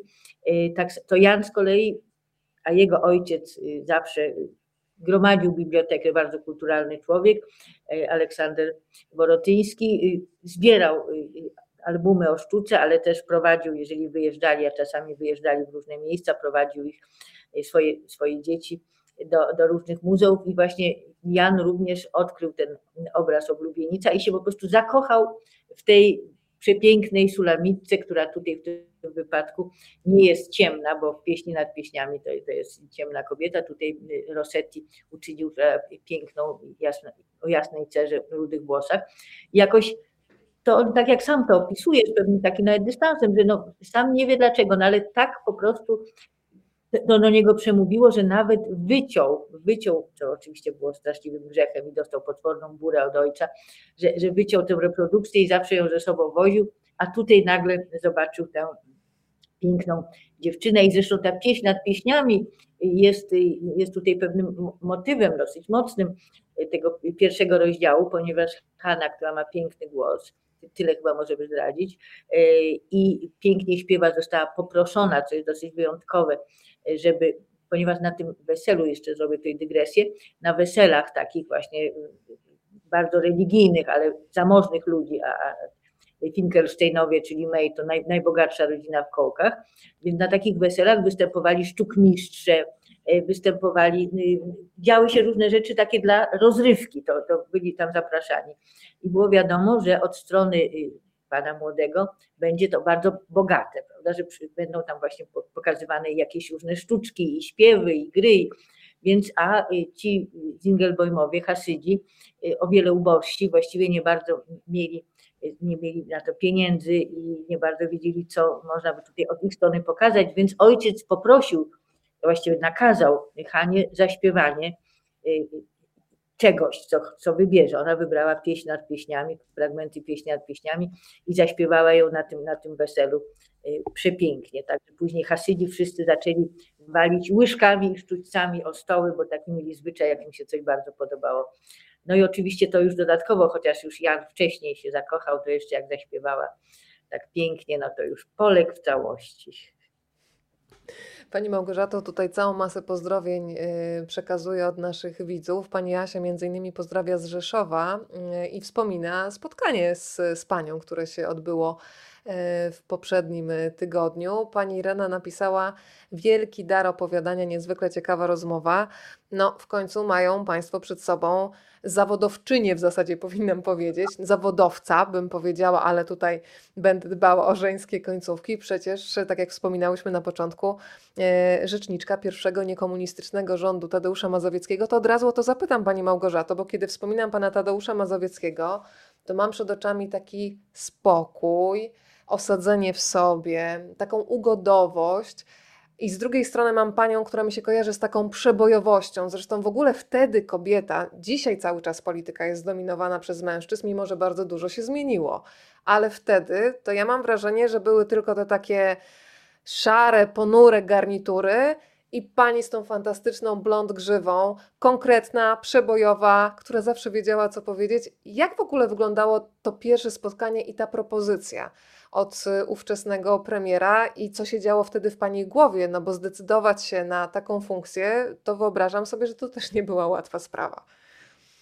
No tak, to znaczy, to wszystko, drodzy Państwo, no, niektórzy na pewno pamiętają, ale to był niesamowity czas, prawda? Zaczęło się, zaczęło się od, od oczywiście same, samych obrad okrągłego stołu. Znaczy, czas przyspieszył niesamowicie, prawda? Od momentu, kiedy właściwie było beznadziejnie zupełnie i wydawało się, że jesteśmy pogrążeni w jakiejś, w jakiejś magmie, jakimś maraźmie niemożności zarówno politycznej, jak i gospodarczej, to zaczęło, jak mówię, bardzo przyspieszać, doszło do, do tych nie w pełni wolnych wyborów, ale które Solidarność wygrała właściwie no, prawie w 100% w Senacie. Oddaliśmy jedno miejsce panu Stokłosie na, na 100, więc niesłychane zwycięstwo ciągle jeszcze ani Solidarność, ani, ani komuniści nie myśleli o tym, że mógłby być premier, premier niekomunistyczny, ale generał Kiszczak próbował stworzyć rząd, to nie wyszło i tak dalej, i tak dalej. To można by całą historię opowiadać. W każdym razie nagle szef doradców Solidarności, pod tym był pan Tadeusz i naczelny redaktor tygodnika Solidarność, czyli oficjalnego, powiem mi ładne słowo, organu czy pisma Solidarności, Związku Solidarność, Y, dostaje y, propozycję od, od Lecha Wałęsy. Nie bardzo w pierwszej chwili chce się zgodzić, raczej uważa i mówi, tak jak mi to później opowiadał, że to Wałęsa powinien być premierem. To zresztą rzeczywiście byłoby logiczne, no ale Lech premierem być nie chce. Powiedział, że będę was ubezpieczał. No, robił do pewnego momentu to, a później już nie, no ale to jakby jest inna sprawa. W każdym razie pan Tadeusz zostaje desygnowany na premiera, zaczyna formować swój rząd a ja z mężem, a ja też jestem, bo ja byłam w pierwszym tygodniku Solidarność, no i w drugim, i zresztą do pierwszego numeru e, tego odrodzonego tygodnika z numerem 37 łamane przez 1, czy 1 łamane przez 37 bardziej, bo to był te pierwsze 36 to było do, do stanu wojennego. E, I tam był mój wywiad na pierwszej kolumnie Polak, tfu, teraz już sprawy żydowskie mam w głowie, taką będziemy, to jest wywiad z Lechem Wałęsą, taką będziemy mieli Polskę, na jaką zasłużymy. To nawiasem mówiąc do dzisiaj jest aktualny, aktualne zdanie. I jednocześnie jestem znowu reporterką tygodnika, ale zarazem pracuję już nad, nad, nad książką, którą wymyśliliśmy jeszcze w Ameryce o Polsce.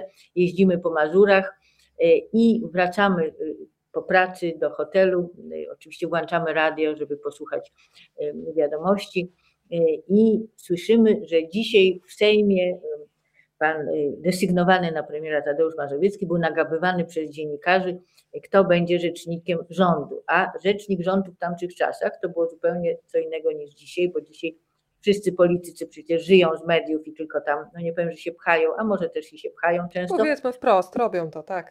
Tak. Natomiast wtedy y, oczywiście żaden polityk nie chodził do mediów, nie chciał chodzić do mediów. Rola rzecznika była właściwie było występowanie rzeczywiście w imieniu rządu jako, jako jedynej postaci, czy prawie jedynej. No więc ta post, zwłaszcza, że przede mną jeszcze wtedy nie wiedziałam, że przede mną, tylko przed tym nowym rzecznikiem był Urban, który był no, no, po prostu znienawidzony, wręcz opluwany w telewizorze, no ale oczywiście też bardzo znany, no bo właśnie reprezentował komunistyczny rząd. No więc pytanie do, do, do desygnowanego, kto będzie On mówi, nie, proszę Państwa, nie powiem Wam tego, mogę tylko jedno zdradzić, że będzie to kobieta. I w tym momencie mój mąż się do mnie odwraca, bo tutaj jedziemy i mówi, to będziesz ty. A ja mówię, a wypluj te słowa. No, wypluł, nie wypluł.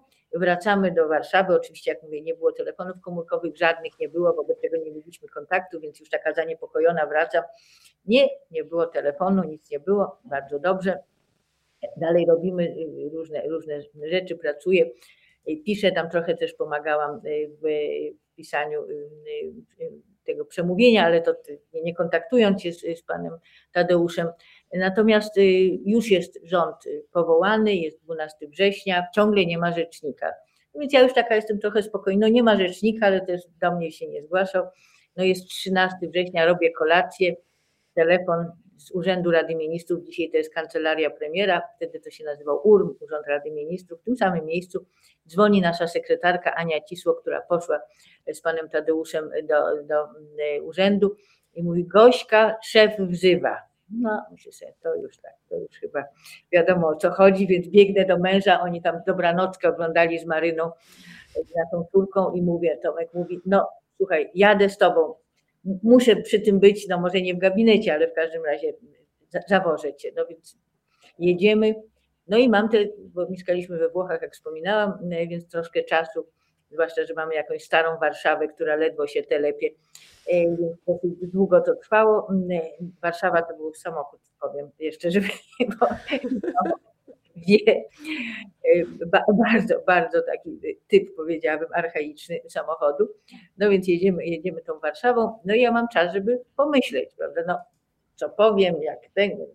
No chodzimy ciemno już, bo już jest tak koło dziewiątej, to ogromne schody, no jakiś urząd, przecież my w ogóle nic, my byśmy byli w podziemiu, prawda, a tutaj nagle takie jedno z głównych, głównych miejsc w sensie urzędowym, prawda, rządowym e, w Warszawie, w stolicy, wchodzimy do gabinetu w sekretariacie, Ania mówi, wchodź, oczywiście Tomek siada, mierzy czas, 28 minut, także wiem ile to trwało, ta rozmowa, a jak wchodzę, pan Tadeusz się podnosi z takiego, sto, takiego stoliczka okrągłego, gdzie później żeśmy codziennie przesiadywali, najpierw żeśmy się ucałowali, a później jeszcze nawet nie usiadłam, pan Tadeusz mówi, Pani Małgosiu, chciałam Panią prosić, żeby została Pani rzecznikiem mojego rządu. Ja w tym momencie daję popis inteligencji, bo prawda, no, miałam czas, żeby się namyśleć, wobec czego patrzę na niego okrągłymi oczami i mówię, ale dlaczego ja, Panie Tadeuszu? Tak?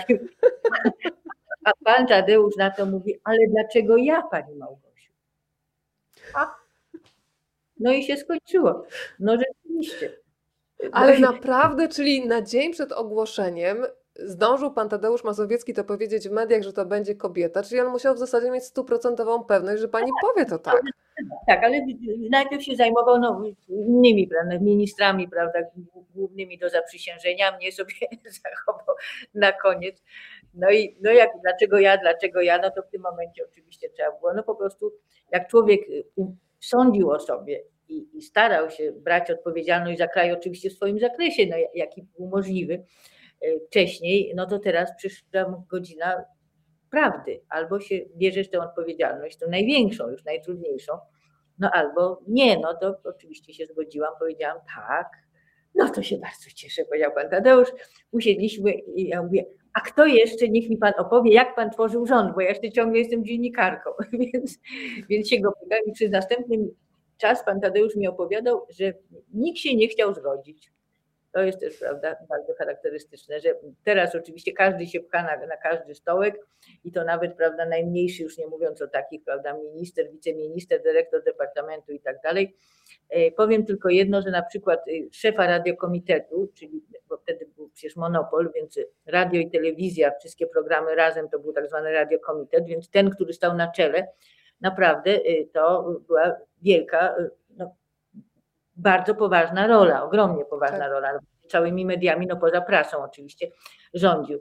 To gdzieśmy nie mogli znaleźć. No pan Tadeusz toczył rozmowy, ja toczyłam rozmowy już później, prawda, żeby, bo Urban został szefem telewizji, więc wyobraźcie sobie Państwo, że przez pierwsze tygodnie myśmy mieli jako szefa telewizji Urbana, ponieważ nikt się nie chciał zgodzić i dopiero wreszcie e, Andrzej Drawicz, który y, no powiedział Tadeusz, przyjaźniliście, słuchaj, jak już nikt nie chce, no to ja wezmę, to mówi, ale ja nawet nie mam telewizora, ja nie mam pojęcia, prawda, o telewizji. Takie, takie to były czasy, prawda, więc, no ale trzeba było brać odpowiedzialność, więc ją wzięliśmy i uczyliśmy się nawet nie, nie w biegu, tylko w jakimś sprincie po prostu, żeśmy się uczyli. Z wszystkimi Pani Małgorzata, a jak Pani, ale jak pani wspomina właśnie wtedy ten taki męski świat? Przecież jak były wyjazdy zagraniczne, to wyobrażam sobie, że były pewnie sytuacje, gdzie pani była nawet jedyną kobietą, bo wtedy w rządzie, nie wiem czy dobrze pamiętam, ale jeszcze była chyba pani Izabela Cywińska w pewnym momencie jako minis, była ministrem kultury, prawda? Tak, była przez cały czas. Była Iza, tak. tak Iza Cywińska, minister kultury. No i ja, i sami mężczyźni, ma Pani rację, i też jako dyrektorzy departamentów, no na posiedzeniach rządu y, to byłyśmy, a na posiedzeniach rządu był oczywiście rząd, y, no ale jeszcze był właśnie szef radiokomitetu, y, naczelny Rzeczpospolitej też, która, który było wtedy pismem y, rządowym przez jakiś czas i najważniejsi dyrektorzy tam departamentów, to sami mężczyźni, były tylko, myśmy były tylko dwie. No naj, najbardziej takim niesamowitym momentem było, jak byliśmy, zresztą to była też niebywała, niebywale ważna wizyta w Moskwie pod, pod koniec listopada 89. To była pierwsza wizyta niekomunistycznego premiera polskiego po prawie pół wieku, dlatego że w 1941 roku był Sikorski był, rozmawiał ze Stalinem, a w 89 Mazowiecki z Gorbaczowem.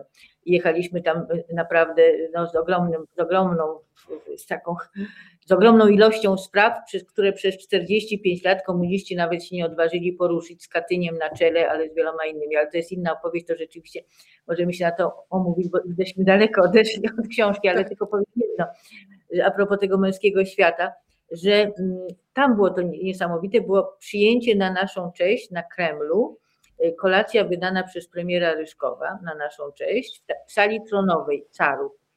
I wchodzimy na tę salę tronową y, i to, to tak jak na, y, to tak jak na, na weselu, czyli taką podkowę, prawda? Tutaj ogromny stół z jednej, ogromny z drugiej, no i na, na, nie, nieduży stosunkowo, tam gdzie myśmy siedzieli, dwie, znaczy delegacja polska i i, i rząd, premier, prawda, i tam różni ministrowie y, sowieccy, bo przecież był Związek Radziecki jeszcze wtedy. Ale dlaczego o tym mówię? Wchodzimy na salę, a tam później mi powiedziano, że 350 osób, 350 osób. Wchodzimy na salę i widzę same garnitury. Byłam jedyną kobietą. 349 mężczyzn i ja jedna. No to takie, takie to były czasy. No, nie było żadnego tutaj, prawda, że trzeba na suwak albo trzeba, prawda, mieć jakieś odpowiednie proporcje, nic z tego, niestety. Pani Anna słusznie zauważyła, skoro y, wracamy na chwilę, przynajmniej we wspomnieniach do tego gabinetu i rozmowy z panem Tadeuszem Mazowieckim, że dzisiaj jest dokładnie rocznica tego wydarzenia, kiedy się pani dowiedziała dzień przed ogłoszeniem, że zostanie e, rzeczniczką rządu, więc proszę, jak tutaj się wszystko układa. Tak, no, bardzo dziękuję pani, pani Anna, tak? Pani Annie, bo rzeczywiście, no dokładnie jest rocznica tego wydarzenia. To prawda, zaledwie, zaledwie 33 lata temu, nie do uwierzenia zupełnie.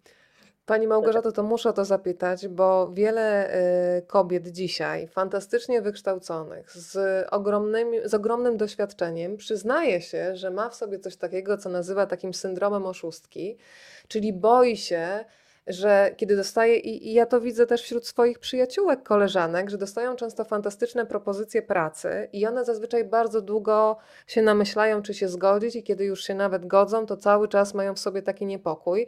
Te same propozycje nasi koledzy, mężczyźni czasami bez doświadczenia, nawet bez wykształcenia w danym kierunku, od razu mówią, bierzemy to i wchodzą to w ogóle bez większego zastanowienia. A ten syndrom oszustki, o tym mówi wiele kobiet, y, się cały czas w nich odzywa. Jak w sobie zbudować właśnie takie poczucie siły, żeby bez żadnych kompleksów wchodzić w te e, środowiska cały czas jeszcze zdominowane przez mężczyzn. E, ja pamiętam jeszcze kilka lat temu e, jeden z banków, impreza dla bankowców i pamiętam, że prowadziłam spotkanie i byłam mocno zdziwiona. No może to nie było tak, że byli sami mężczyźni i jedna kobieta, ale te proporcje kobiet do mężczyzn myślę 70 do 30 i to myślę, że z naddatkiem. Byłam zaskoczona, że na tych wysokich stanowiskach cały czas tych kobiet jest mniej, więc skąd Pani wzięła takie poczucie siły, że no, miała Pani świadomość, że ma Pani wykształcenie, wchodzi też w niewiadomą działkę, ale bez kompleksów Pani się zdecydowała i pytam w imieniu wielu kobiet, które chciałyby być jak Małgorzata Niezabitowska, z taką pewnością wkraczać. No to nie była, ja nie mogę powiedzieć, że to była taka ogromna pewność, bo do mojej pierwszej konferencji prasowej no jestem dosyć szczupła i tak ważę około 53-54 i schudłam 5 kilo. Czyli mówię o tym dlatego, że no 10%. Był stres. Także to stres oczywiście jednak ogromny.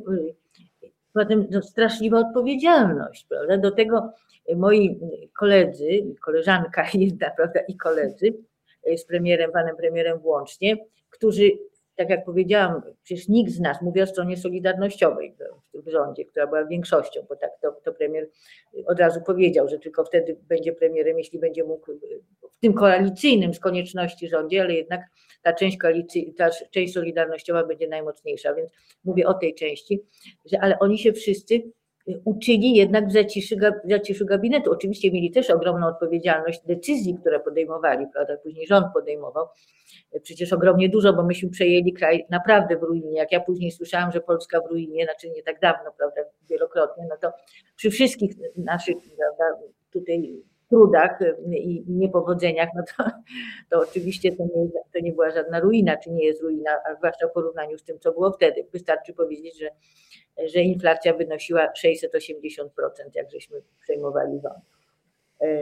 Więc i nikt już nam nie chciał pożyczać pieniędzy, bo przecież mieliśmy ogromne długi po Gierkowskiej i tak dalej.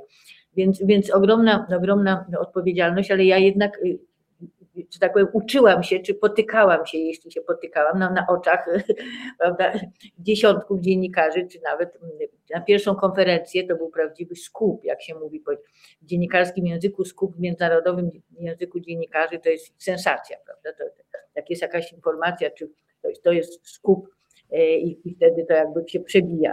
E, no więc przyjechało 27, 27 e, telewizji z całego świata i było 400 dziennikarzy, to było w Pałacu Rzeczpospolitej, czyli teraz prezydenckim, wtedy to należało jeszcze do rządu i tam można było odbywać różnego typu spotkania, zresztą były na przykład później z kanclerzem Kolem i inne, prawda, ważne wydarzenia tam się odbywały no, i też ta konferencja. Więc oczywiście y, no, przeogromny stres, zwłaszcza, że ja, ja nigdy nie występowałam. No mówię, jedyny, jedyną moją zaprawą były te spotkania w Ameryce, które na szczęście, bo jako dziennikarka przecież nie byłam wykładowczynią, bo czasami profesorowi jest łatwiej, prawda, no bo mówi często do, do wykłady ma czy coś. No ja niczego takiego nie miałam, no poza, poza sprawami właśnie promocji czy spotkań związanych z moją książką żydowską. Y, no i też y, tutaj dziennikarze, ja to wszystko wiem, no naprawdę mm, wymyśliłam sobie całe mm, taką długą przemowę. Zaczęłam to od, y, od czegoś, co głęboko przeżywałam, mianowicie od zacytowania takiego hymnu nieoficjalnego Solidarności, który powstał właściwie takim, takim hymnem spontanicznym, stał się na festiwalu piosenki zakazanej, który się odbył w pierwszą rocznicę Solidarności w sierpniu 1981 roku. I tam, no, to było niesamowite też impreza, gdzie właśnie wszystkie piosenki, które kiedyś tylko w podziemiu albo się prawda, na jakichś kasetach wydawało, albo zostały napisane w tym okresie teraz wolności, tej solidarnościowej wolności, były oficjalnie prezentowane w hali Oliwia, 5 tysięcy widzów. Na końcu wychodzi Andrzej Rosiewicz, który wtedy jeszcze no, nie, nie, nie zajmował się chałturą, tylko przeciwnie, i śpiewa właśnie taką pieśni, w której refren brzmiał prawdy, prawdy, prawdy, tak jak chleba, prawdy, prawdy, prawdy nam potrzeba, taka jest wola ludu, powszechne wołanie, a ona jest święta, więc niech tak się stanie. I proszę sobie wyobrazić, że już następnym razem pięć tysięcy ludzi zerwało się z miejsc i śpiewało razem z Osiewiczem i w kółko żeśmy to śpiewali, bo rzeczywiście w PRL-u gorsze, gorsze, naprawdę gorsze od tych wszystkich niedoborów, od tych kolejek, zresztą były straszne, od tych pustych półek, od ciężkości życia, to było to kłamstwo, które było nam mówione prosto w oczy, bezczelnie wmawianie nam, że czarne jest białe, albo prawda, odwrotnie, w każdym razie nie tak, jak było naprawdę. I stąd zresztą ludzie tak reagowali czasami na, na przykład na Urbana, prawda, niezwykle, niezwykle emocjonalnie, bo nie mogli tego znieść, ale to oczywiście nie dotyczyło tylko Urbana, chociaż on był tego mistrzem i występował w telewizji. Y, więc to, to wszystko razem powodowało, że ta potrzeba prawdy, ta potrzeba właśnie y, była we mnie tak mocna, że zaczęłam od tego i powiedziałam, że ogłaszam, że kłamstwo się skończyło. Od dzisiaj tylko prawda. Może nie zawsze cała prawda, bo czasami rząd nie może od razu o wszystkim mówić, ale obiecuję Wam, że nie będzie kłamstwa. Y, więc na tym zbudowałam, ale oczywiście przeżycie ogromne, więc tutaj nie ma jakiejś reguły, trzeba po prostu mieć w sobie odwagę, trzeba w siebie wierzyć, e, trzeba e, mieć właśnie jakiś wytyczony cel, czy zwłaszcza jeżeli jest to ciekawa praca, czy możliwość robienia czegoś dobrego, interesującego, trzeba się po prostu z tym zmierzyć, a ja uważam, że kobiety bardzo często są oczywiście o wiele lepsze od mężczyzn, bo są bardzo dobrze wykształcone, bardzo odpowiedzialne i właśnie skromne w tym dobrym sensie, prawda, że, że trzy razy się namyślą, zanim wezmą jakąś pracę, bo rzeczywiście muszą czuć, że potrafią, może czasami nawet w nadmiarze tej skromności. No ale mm, więc odwaga, y, na pewno odwaga, wiara w siebie y, i y, no i dobrze mieć poparcie męża.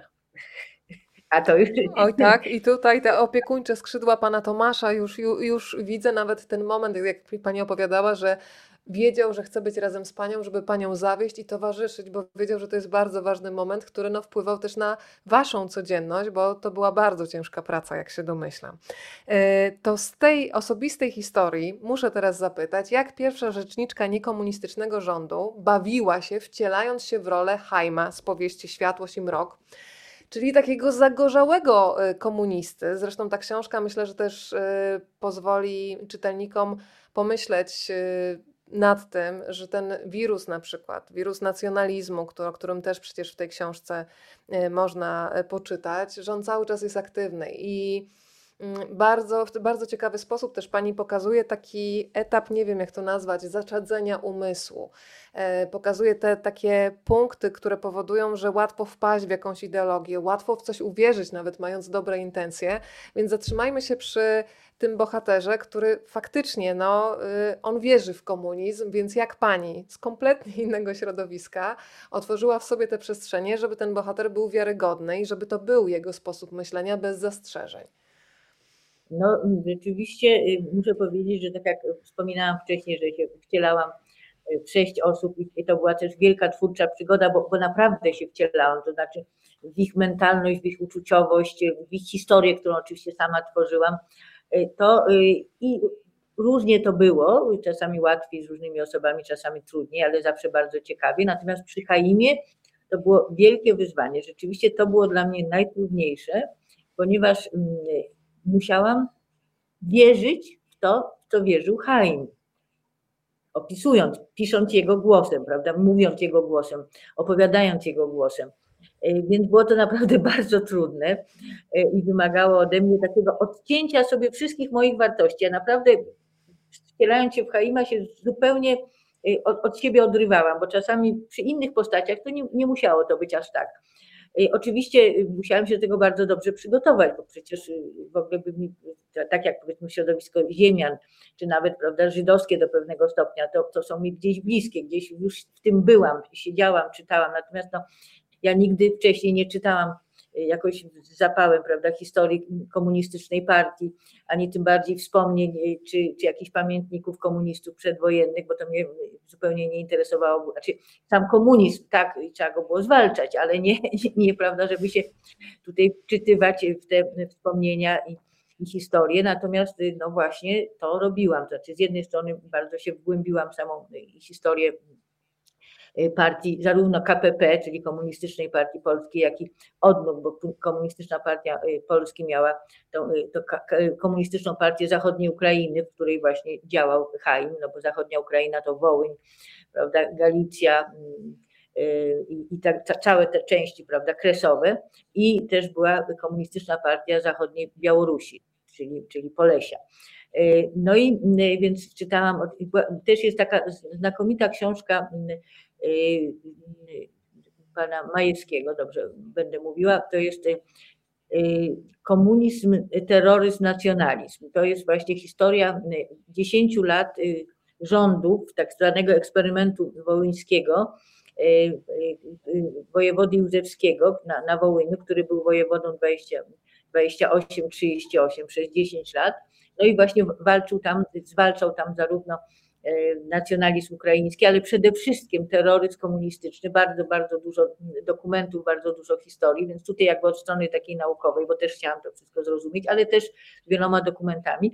No ale jeśli chodzi o mentalność, to z kolei czytałam e, wspomnienia, e, czy też, a najlepiej pamiętniki, bo w wspomnieniach to już, prawda, czasami się tworzy pewne legendy, ale te pisane w okresie międzywojennym różnego typu właśnie, czy relacje, czy, czy pamiętniki, czy, czy pisane wówczas wspomnienia y, polskich komunistów.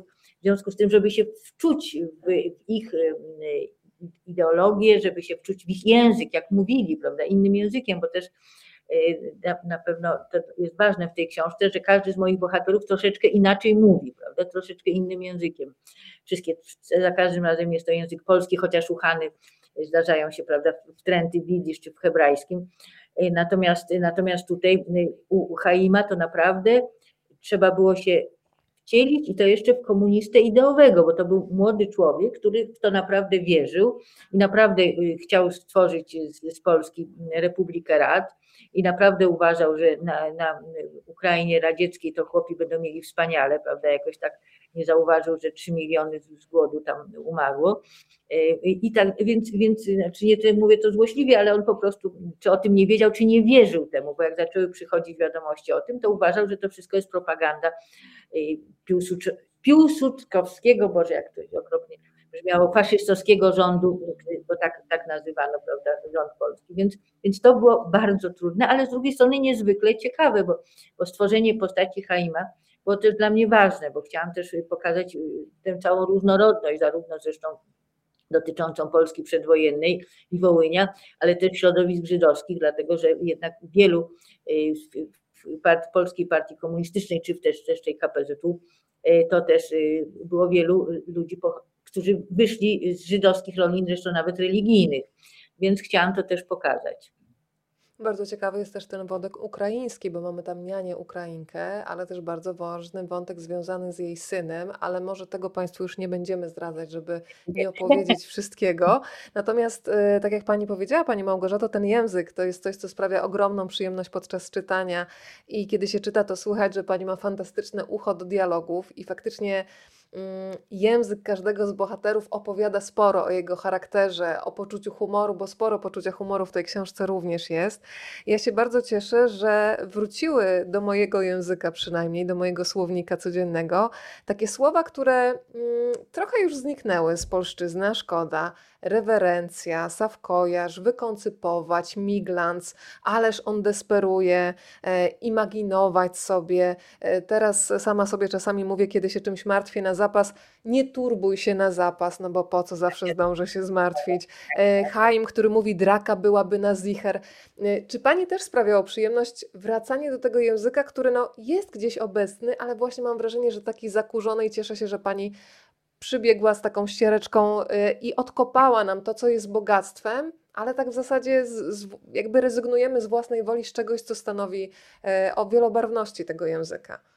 No tak, to mi sprawiało ogromną przyjemność, bo naprawdę mamy piękny język, bardzo bogaty, ale w ostatnich czasach coraz, coraz mniej się używa jego bogactwa, tylko się coraz bardziej zawęża do jakichś prawda, zupełnie podstawowych słów czy, czy pojęć. Oczywiście jest, możemy to analizować, to, to nie jest tutaj prawda, miejsce, zresztą nie jest to chyba takie trudne do zrozumienia, że w momencie, kiedy jest, prawda, e, jest internet, jest Twitter, prawda, żeby, żeby krótko, żeby, żeby jak najprościej, żeby skrótami, e, to i tak samo ludzie ze sobą mniej rozmawiają, bo jeszcze w moim, w moim pokoleniu myśmy mieli dla siebie bardzo dużo czasu, zresztą z różnych powodów, również dlatego, że się tak, tak wiele nie pracowało, bo to, nie było, prawda, tak jak teraz, tak, tak, takich wymogów, czy takiego pędu do, do robienia kariery, przy czym nie ma też niczego złego, tylko że to często doprowadza do tego, że ludzie mają dla siebie mało czasu, albo też się komunikują właśnie przy pomocy e, SMS-ów, czy dla mnie e, ja zawsze staram się na przykład na życzenia, czy coś jednak składać, dzwonić, telefonować. Mnóstwo ludzi przysyła prawda, SMS-y czy e-maile, to wszystko powoduje, że, że ten język coraz bardziej się, e, że tak powiem, skraca w swoim, swoim bogactwie. E, I bardzo żałuję, bo ja jeszcze właśnie pamiętam, ponieważ nawet wspominałam o pani Markiewicz, prawda, przedwojennej polonistce, ale bardzo wiele osób w mojej młodości, czy nawet w wieku średnim jeszcze ciągle, prawda, kiedy byłam, to byli to ludzie przedwojenni, którzy mówili innym językiem, bo wyszli z innych szkół, Y, mówili właśnie bogatym i pięknym językiem. Y, I no chciałam to troszkę odtworzyć, y, przywrócić, no ale też, bo, bo nawet tak się zastanawiałam dzisiaj, bo żeśmy tutaj nawet pani w swojej zajawce napisała, to przeczytałam tam, że, że właśnie też o tym języku. Więc tak się zastanawiałam i pomyślałam o takim słowie, który jak na przykład łobuziak, prawda, się mówi, jak jest to piękne, bo to jest tak huncwot tak. było, urwis, szelma, gagatek, obwieś, łapserdak, nic. Ile tego było, a teraz y, co się powie? No, nawet powie się łobuz albo coś. Albo... Zdarza mi się mówić do mojego psa, ty huncwocie, kiedy coś tam narozrabia i w tym jest tyle czułości i taki zadzior właśnie, taki charakter. Tak, tak. To, to, bo, to, bo, to, bo to oczywiście nie jest, to nie było to twarde, to nie było belżywe, tak. tylko właśnie mówię, gagatek, prawda? Takie urocze słowo, czy, czy łapserdak, ale też słowa niektóre, to jest dla mnie jeszcze gorsze, wyszły z użycia na przykład honor. Że jeszcze w moim pokoleniu, nie mówiąc oczywiście o starszych pokoleniach, to już w ogóle, to się mówiło bardzo często słowo honoru na podwórku, prawda? To było słowo honoru tak. w różnych prawach, prawda? A to, ten honor zupełnie wyszedł z użycia i niestety również w sensie o wiele głębszym, prawda? Czyli tym, czym jest honor, prawda? Czyli to jest jakaś postawa, która jest zbieżna z systemem wartości, jakie się wyznaje, a, oczywiście wartości dobrych, prawda? Takich, I też język debaty publicznej. Pani też ma porównanie, jak to wyglądało, kiedy pani była rzecznikiem, a ile dzisiaj przechodzi w zasadzie jest tylko takie wzruszenie ramionami, że już w zasadzie wszystko wolno. O, to jest, Pani poruszyła bardzo ważny wątek, właśnie wulgaryzacji języka, co, co mnie po prostu no, boli mnie to, dlatego że strasznie się zrobiło Y, wulgarnie, brutalnie, ten brutalizacja tego języka, y, co zresztą niestety, prawda, nagrania swojego czasu, z, z, jak on tam się nazywa, ta restauracja, y, wiemy jeszcze za, tak. zarządów poprzednich, prawda, to, to, to nawet to tam było to przerażające. Podejrzewam, że w tym rządzie mówi się tak samo, tylko że akurat nagrano tamten. Natomiast jak ja usłyszałam, czy przeczytałam, jak się wyrażali ministrowie, to ja z premierem przez 15 y, miesięcy codziennie z ministrami, ja nie usłyszałam słowa cholera. Nie mówiąc o, o innych, po prostu to, to w ogóle nie, nie wchodziło, w ogóle nie, nie wyobrażam sobie, żeby któryś z naszych ministrów y, w ten sposób rozmawiał i używał takich słów. To byli, to byli ludzie, są ludzie, niestety wielu już nie żyje, wielkiej klasy, i też y, odpowiedniego zachowania, ale też umysłowości. To w ogóle to było nieakceptowalne, a w tej chwili niestety jest akceptowane bardzo szeroko, a przykład idzie z góry. Jeżeli góra tak mówi, to dlaczego y, zwykle obywatele nie, ma, nie mają tak mówić? No bardzo to jest przykre. Pani Jasia komentuje, że świetna rozmowa y, mogłaby się nie kończyć, może jakiś cykl. Pani Małgorzato, rzucam propozycję od naszych widzów, Mo możemy to przemyśleć, a przy okazji pani Jasia też wspomina swojego tatę, który urodził się w 26 roku. Cudne przypomnienie jego powieści mm, to jest opowieść między innymi o tym, że w podstawówce taty pani Janny było dwóch Polaków, a resztę klasy stanowili e, Żydzi. E, tak jak pani wspomniała, pani Małgorzato, e, w książce Światłość i mrok mamy z jednej strony bogactwo tradycji, tą wielokulturowość, ale są i jasne, tak jak sam mm, tytuł wskazuje, jasne i ciemne strony. Dla mnie takim wątkiem y, bardzo mocnym i bardzo ważnym w tej książce jest też pokazanie, że religia z jednej strony może ukorzeniać, może dawać ludziom wsparcie, ale może być też wytłumaczeniem mm, tradycja, która tłumaczy przemoc wobec kobiet. To jest naprawdę zatrważające. Tam są takie wątki, kiedy wręcz kobiety mm, potrafią być okrutne dla drugich kobiet, bo mężczyzna w wielu rodzinach miał prawo uderzyć żonę i w zasadzie podchodzona do tego, jakby się nic nie stało. To było właśnie takie wzruszenie ramion. E, no to jest jedna z tych ciemnych stron tradycji, gdzie religijność usprawiedliwiała przemoc. I nawet nie wiem, czy, czy to oczywiście pewien obyczaj, prawda? Może tak. nie, nie religijność, tylko pewien obyczaj usprawiedliwiał, ale w ogóle czasy były, zwłaszcza ludzi y, no, gdzieś w tych zamkniętych środowiskach ale też no, niestety także wśród, wśród ludzi prostych, że się tak wyrazimy, teraz się pięknie mówi klasa ludowa, y, takiej przemocy y, przecież ja jeszcze niestety też pamiętam, jak się i u nas na wsi mówiło już po, wojnie, że jak się kobiety nie bije, to jej wątroba gnije, o coś mm takiego tak, tak. prawda?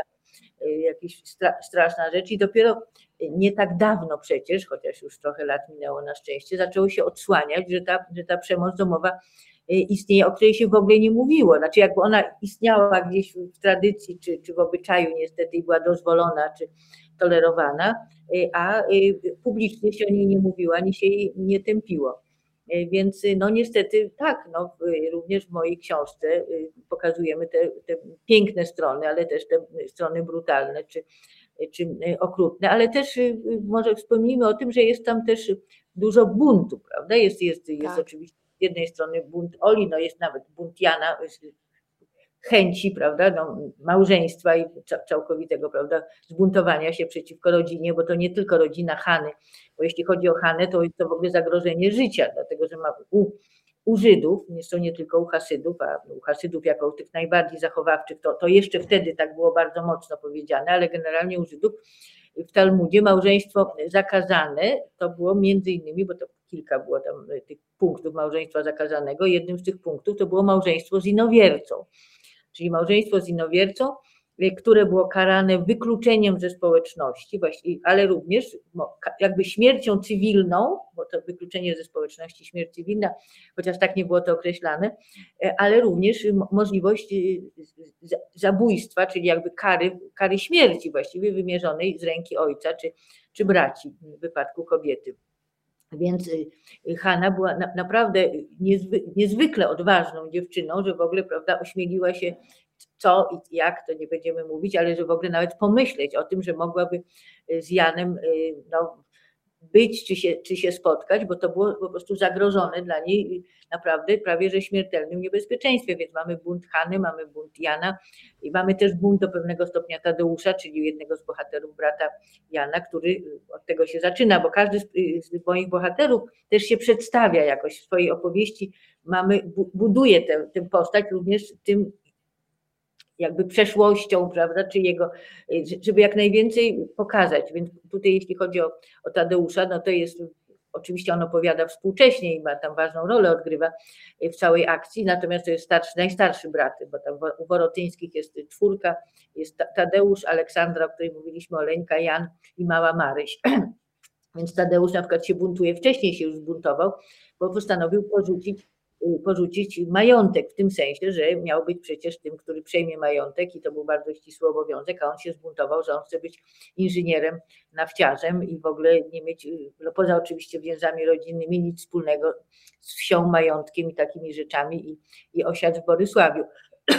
Więc mamy różne, różne bunty. Oczywiście mamy bunt Haima, no zasadniczy, prawda, przeciwko tradycji, religii i wszystkiemu, prawda, który za, za Marksem określał, prawda, że religia to opium dla ludu, a Żydzi szczególnie się dużo tego cymesu najedli, prawda, i w związku z tym wyjątkowo się dali e, oczadzić. Drodzy Państwo, powoli będziemy powoli będziemy zmierzać do finału naszego spotkania. E, jeżeli są jeszcze pytania, to ja o nie poproszę. Jedno już mi się tutaj wyświetla i od razu je przekazuję. E, pani Urszula e, mówi dobry wieczór z Łodzi i pyta o to, czy pani, pani Małgorzato ma kontakt z przyjaciółmi z 68 roku. To jest ten wątek, który jakiś czas temu podjęłyśmy. W 2018 roku w Centrum Dialogu Marka Edelmana w 50. rocznicę zorganizowano wspaniałe spotkanie z osobami, które opuściły Polskę w 68 roku. Ich wspomnienia opowiadane piękną polszczyzną były niezwykłe. E, pozdrawia Pani nas Urszula, bardzo dziękujemy i od razu przekazuję to pytanie do Pani Małgorzaty. Mam, mam kontakt z Żenią, która wyjechała do Izraela, zresztą tam odwiedziłam ją i rodzinę.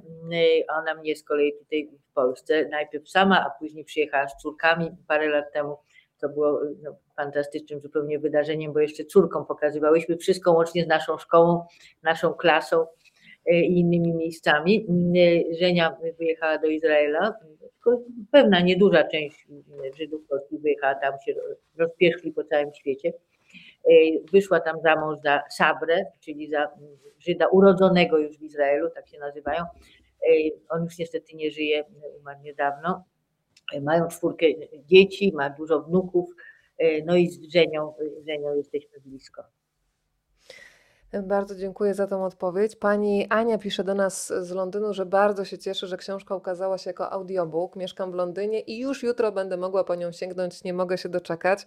E, to powiedzmy, że jeżeli chodzi o audiobook, to między innymi głos pani Anny Nechrebeckiej będzie można e, usłyszeć. Jak się słucha samej autorce swojej opowieści przekazywanej e, cudzymi ustami, pani Małgorzata? To od razu dopytam.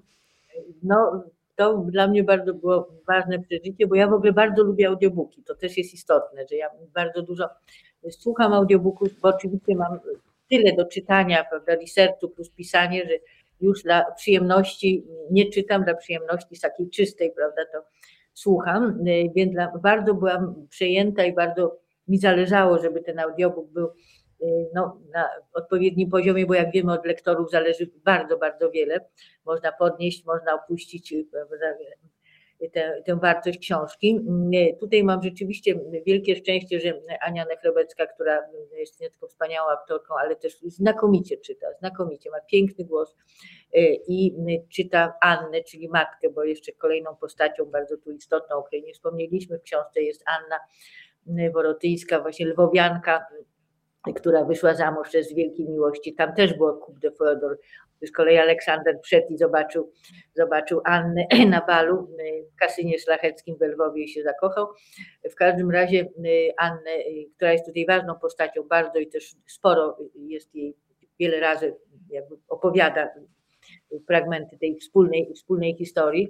Y, Ania Nechrebecka, ale też dwójka y, młodszych aktorów, którzy, no bo tam poza, poza, nią właściwie sami młodzi. To jest Anna, która zresztą też jest młoda, bo ona ma 45 lat, jest matką, ale wtedy się o wiele wcześniej wychodziło za mąż i miało dzieci. Więc też młoda kobieta, no nie mniej tutaj w tej opowieści jest, jest seniorką. Natomiast na to tak to mamy, mamy młodych ludzi, którzy są około 20, czy też, też po 20, więc młodzi aktorzy czytają. No, słuchało mi się to y, no, z dużym przejęciem, bo to jednak słuchać swoich słów, y, bo co innego, prawda, jak się pisze, ja zawsze na głos sobie też czytałam, jak pisałam, to żeby posłuchać, bo to jest, jest ważne, y, no ale to jest zupełnie coś innego, jeśli, jeśli, jeśli czytają. Także polecam ten audiobook, zwłaszcza jak Państwo lubią, e, a naprawdę jest bardzo dobrze przeczytany. No niestety najlepiej było, gdyby na sześć głosów było, szóstka mm, aktorów, no ale to już z przyczyn finansowych już nie, nie, było niemożliwe, no ale trójka to też jest bardzo dobrze. Maciej Więckowski, Anna Maria Buczek, Anna e, Nechrabecka. Polecamy Państwu audiobook. E, ja od Kariny z wydawnictwa Znak mam dla Państwa dzisiaj dwa egzemplarze książki, więc zobaczymy, do kogo się los e, uśmiechnie, ale już wiem, że Państwo się wybierają na zakupy, bo tutaj mi już donosicie, z czego się bardzo cieszę. No to proszę dać losowi szansę, zobaczymy, do kogo dzisiaj się los uśmiechnie.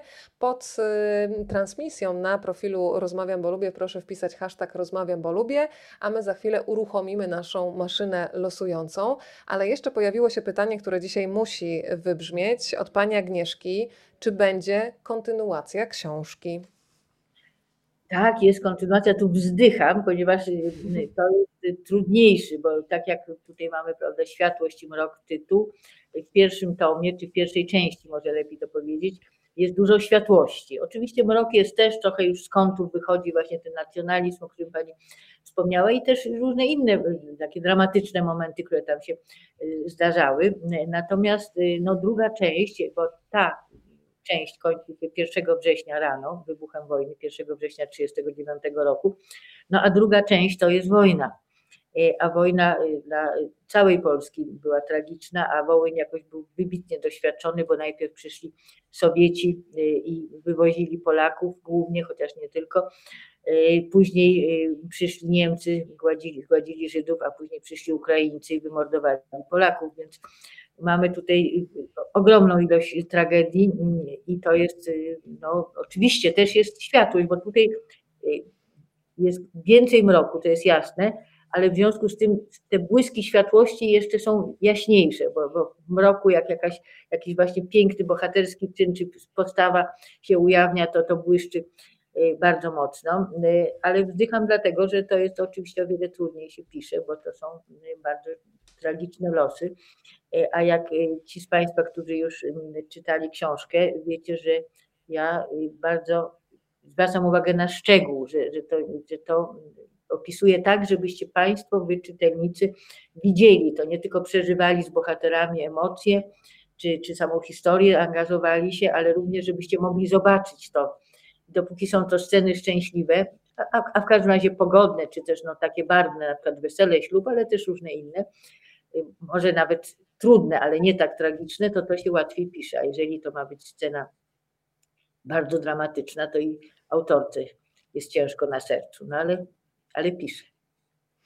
To ja poproszę teraz naszą maszynę losującą, żebyśmy tutaj e, teraz z panią Małgorzatą mogły się znaleźć trochę jak w komisji gier i zakładów w komisji. Maszynę odpalamy i zaraz zobaczymy, do kogo się uśmiechnie szczęście.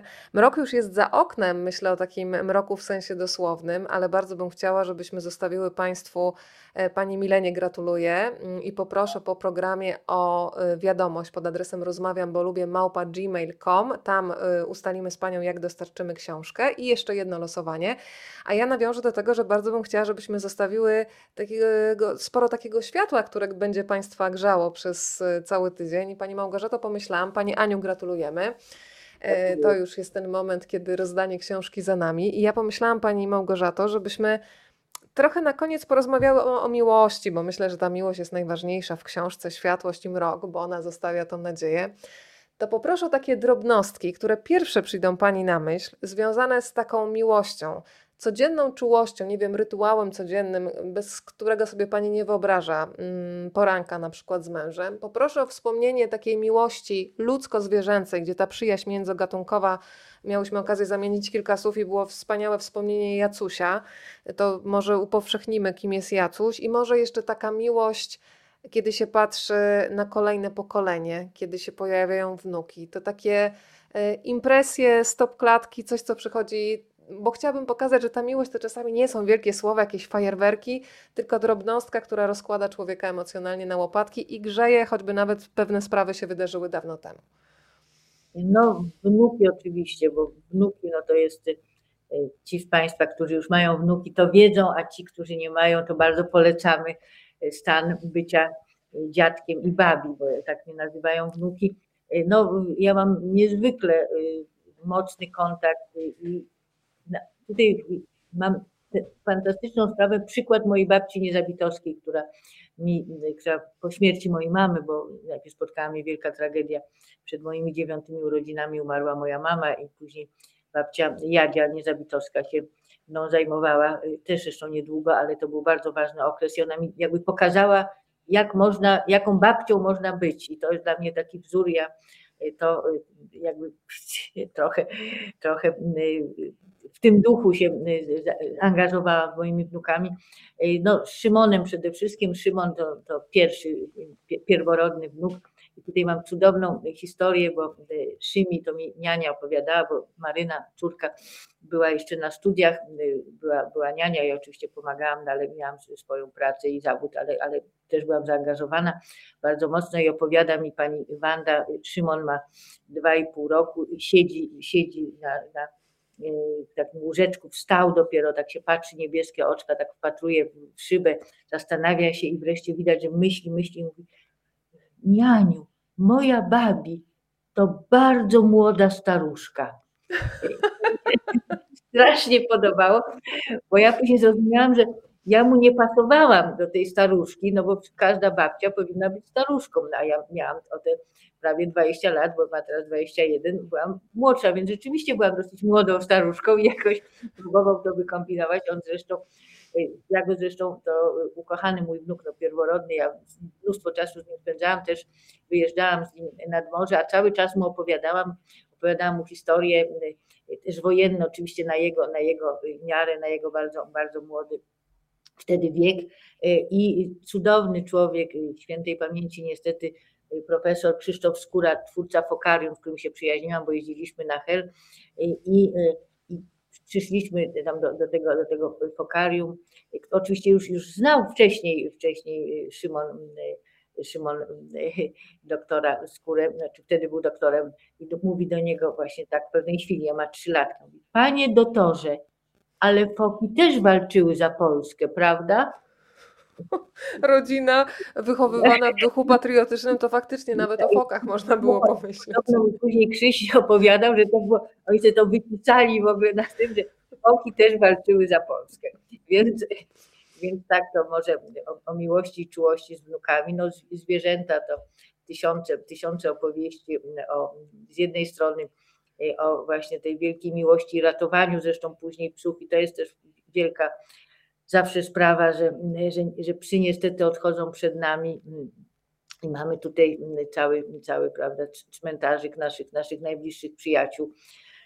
I, I, zawsze się śmiejemy, że tutaj teraz już mniej, tak jak mówiliśmy, już jest lepiej, ale na początku, jak żeśmy tutaj zamieszkali e, w Konstancinie, e, to pod bramę przychodziły psy i tam się kładły, bo zawsze mówiliśmy, że te inne psy opowiadały im, że tutaj trzeba przyjść i tutaj przyjmą, więc, tak. jak tak, no i były przyjmowane, więc, więc no, rekordowo mieliśmy, mieliśmy piątkę. E, I, I, to było rzeczywiście dosyć trudne, bo, bo też była walka między mężczyznami, prawda, psami o przywództwo. E, no ale wszystkie, wszystkie bardzo, bardzo kochane. I... Ale dlaczego Jacuś powiedzieli Państwo, bo tutaj Pana Tomka też na chwilę wywołam, że Jacuś to podobno udawał, że był psem. To, to, to e, jaki ten Jacuś był? No, straszna, straszna mądrala. No, oczywiście Jacunio no, spał z nami, no to jest jasne, prawda? I, i tutaj cały czas tak się zachowywał właściwie i tak też reagował na, na przykład jak ja byłam smutna, ale to też nie tylko on, bo pamiętam, to był wtedy inny pies, Mak, to był owczarek, którego wzięliśmy z litości, owczarek niemiecki, kulawy. Kiedy mój, mój ojciec, a ja byłam wtedy w ciąży z Maryną, dostałam wiadomość, że mój ojciec dostał krwotoku z, z, żołądka i, i, i, po prostu byłam, nie było męża, bo wyjechał na zdjęcia, byłam sama w domu i nawet nie płakałam, bo przy płaczu to byłoby oczywiste, że, że pies będzie pocieszał, ale pamiętam, że siedziałam no taka straszliwie zdenerwowana, nie wiedziałam co robić, jest noc, ja w tej zaawansowanej ciąży, nie mam samochodu, nie mam męża, ojciec w szpitalu. Siedziałam taka potwornie zdenerwowana i zbolała na tapczanie i pies wskoczył koło mnie i się do mnie przytulił, po prostu czując, że, że potrzebuję, potrzebuję, ja po prostu objęłam tego maka i wtedy się rozpłakałam rzeczywiście, jak się wtuliłam, wtuliłam w maka, więc, więc oczywiście nie tylko, nie tylko Jacunio E, ale właściwie wszystkie nasze, tu bym nie wyróżniała tak bardzo, chociaż no i do Jacunia byliśmy bardzo, bardzo przywiązani, e, bo jak mówię, e, był też taką przylepką, oczywiście straszliwym łakomczuchem, grubasiński już był bardzo, ale oczywiście siedział i patrzył takim wzrokiem, że prawda, jakby nic, nic nie jadł od tygodnia, ale, ale wszystkie nasze psy, tak jak każde zresztą żywe stworzenie, bo moi dziadkowie mi opowiadali, właśnie o, o dworze i tam mieli całą zgraję psów, ale też był oswojony, oswojony mm, rogacz, y, oswojony kruk, oswojona wydra i też świnia, z którą się bardzo przyjaźnił mój ojciec. Świnie są bardzo mądre. Jak świnia go widziała, to biegła i chrumkała i ojciec ją tam drapał patyczkiem po, po głowie, a ona na niego patrzyła i coś tam do niego przemawiała, więc ja myślę, że trzeba mieć taki, zresztą Państwo za mną widzą, o tutaj taką, widzicie takie kartki, to to są listy, listy do mnie od zwierząt, które pomogłam uratować.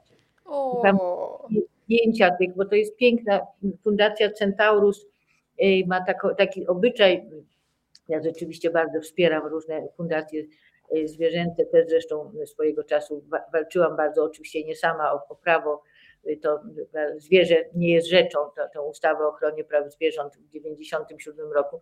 Ale w każdym razie tutaj, ponieważ wspieram, to co pewien czas dostaję list od takiego psa albo konia. Droga Pani Małgorzato, dziękuję za uratowanie, zapraszam. zdjęcie. Ja tutaj mam, mam tutaj tłumy, to, to jest dużo tego, jest cała ściana, tam osioł jest to i to jest taka dobra energia do mnie płynie z tych listów od zwierząt. To może tym zakończymy. A, w Radzie nie Ministrów wiem. były jakieś zwierzaki, Pani Małgorzato? Y, Przemykano nie. gdzieś po korytarz, czy w ogóle nie było takiej opcji? Nie, wtedy nie, niestety. Myśmy, myśmy wtedy mieli Bimbla, to też był genialny pies, y, tak, tak brzydki, że aż piękny, taki kundel znaleziony z kolei na Bukowinie. E, ja czasami z tym, z tym bimblem e, przychodziłam, a właściwie moja córka przychodziła do mnie z bimblem na chwilę, ale wtedy no nie, nie było tak jak w Białym Domu, prawda, że, że, że wyleguje na kanapie przy, przy Bidenie. Tego, tego, tego nie było. Ale w domu zawsze czekały, czekały psy. Bardzo też lubię, to na koniec Pani powiem, bardzo lubię patrzeć na zdjęcia Pani wykonywane przez e, Pani męża Tomasza Tomaszewskiego, bo na tych zdjęciach widać też uczucie. I to zawsze świadczy moim zdaniem o klasie fotografa. Portret portretem, krajobraz krajobrazem, ale kiedy na fotografii widać też emocje tego, kto stoi za obiektywem, to myślę, że jest to bezcenne. Pięknie dziękuję Pani Małgorzato za to spotkanie. Czekamy w takim razie na e, ciąg dalszy. Czy umowa na kolejną opowieść, która będzie kontynuacją bohaterów, których poznaliśmy już e, w powieści Światło Simrok, już jest podpisana? Jest jakiś deadline nad głową, czy to spokojnie się toczy? Zawsze mi nie wspominać o deadline. niestety, to, to jeżeli już Pani poruszyła ten temat, niestety mam pewien problem, bo tak się wczytywałam, wtedy tutaj patrzę na te stosy książek, ten research i to wszystko, że troszkę mi się oczy, no powiedzmy delikatnie zmęczyły i muszę teraz na nie bardzo uważać i dlatego jestem opóźniona z deadline'em, więc bo deadline był bardzo ścisły, a ja, ja się spóźniam, ale się staram i, i leczę, więc miejmy nadzieję, że się uda. Ja myślę, Właśnie że wydawcy są przyzwyczajeni do tego. Mąż mąż w drzwiach się pojawił. Zaniepokojony. Zaniepokojony. A pana męża możemy na chwilę zaprosić? Na finał? tak. Oczywiście. Chodź, chodź Znaczy, tutaj. No, chodź tu, tu. W negliżu. Ale jesteś no, to jest Coraz ciekawej się robi. nagrywane. no tak. Cały czas jesteśmy na żywo. a na Jeszcze żywo. tylko, tylko troszeczkę może się pan Tomasz jeszcze obniżyć, żebyśmy zobaczyli. O, i już są razem. Pani Tomaszu, no bo my tu troszkę pana poobgadywałyśmy, e, ale tak dobrze rzecz jasna, czyli był ten moment w dziekance, wspominały, kiedy biały anioł tańczył. E, To ja na koniec poproszę takie drobnostki, gesty czułości, bez których sobie pan nie wyobraża miłości, żeby ci mężczyźni, którzy dzisiaj są razem z nami, zdali sobie sprawę, że czasami to są detale, które powodują, że po prostu no, możemy y, poczuć to ciepło, które się gdzieś rozlewa i to jest drobnostka czasem. To takie rytuały państwa codzienne. Podzielicie się jedną rzeczą? No, Jest ich zapewne dużo, z czego nie zdajemy sobie sprawy. Ja myślę, że wspólne posiłki to jest coś niezwykle ważnego. W tej gonitwie zawsze znajdujemy czas, żeby usiąść do stołu i mm, ja bym po, podzielić się e, sensem naszych marzeń, które powstają, kiedy działamy, pr- pracujemy oddzielnie, więc takim rytuałem na pewno są posiłki, śniadanie szczególnie, e, kiedy ale ja myślę, że, że trzymanie się za rękę. My na przykład y, zawsze się trzymamy za rękę. y, no nie po- tylko, No nie, no, ale, no, ale idąc po ulicy, to już powiedzmy za rękę, czy nawet siedząc w restauracji, czy siedząc, to my nawet tego nie zauważamy, ale powiedzmy, byliśmy w teatrze, czy w kinie, przyjaciele mówią, to siedzicie w kinie i się za rękę trzymacie? No, no tak, no, to, jest, to jest oczywiste. To jest oczywiste. Po To gdzieś w 45, tle mi teraz... Po ilu latach? 45. Wspaniale. E, Gdzieś w głowie miałam teraz taki podkład rano zjedz ze mną, rano zjedz ze mną śniadanie, po prostu bądź. Yy, Korej, myślę, że właśnie o tą obecność, bliskość, o tą potrzebę właśnie dotyku, bliskości. Zresztą gdzieś ostatnio czytałam takie piękne zdanie, że dotyk jest w ogóle takim alfabetem bez słów. E, Kiedy po prostu człowiek chwyta za rękę i nawet już nie musi nic mówić. Pięknie dziękuję. I panie Tomaszu, y, to ja korzystając z okazji, że pan jest dzisiaj razem z nami, może my się też umówimy na spotkanie, porozmawiamy sobie o fotografii. Wtedy ja wypytam więcej o małżonkę. Wykorzystuję No, sytuację. fotografia to banał, zajmijmy się od razu żoną. Nie No, trochę to o będzie- też. to będzie znacznie le, lepszy temat. A jest o czym opowiadać. To ja tylko jedno pytanie dotyczące książki Światło Mrok. Czy pan był pierwszym czytelnikiem i jak wygląda pisarka, debiutantka, jeżeli chodzi o powieść, w takim szale tworzenia? Czy tam jest w ogóle wszystko spokój, porządek na biurku, czy jest jakiś zamęt? Jak to wygląda u państwa? O porządek proszę nie pytać, bo y, ja ciągle przeż- przeżywam traumę, ilekroć wchodzę tutaj do tych pomieszczeń, w których żona tworzy. To jest nie do opisania, nawet przy mojej jej umiejętności mówienia, to jest po, po, poza moim Bo mąż jest pedantem. bo mąż O, jest pedantem. jestem po, porządny, nie znoszę kurzu, bo Ale mówimy o, Czy- o stosach papieru, kochany. Tak. czy ja mogę coś powiedzieć? Nie, nie mogę. No mów, mów, mów.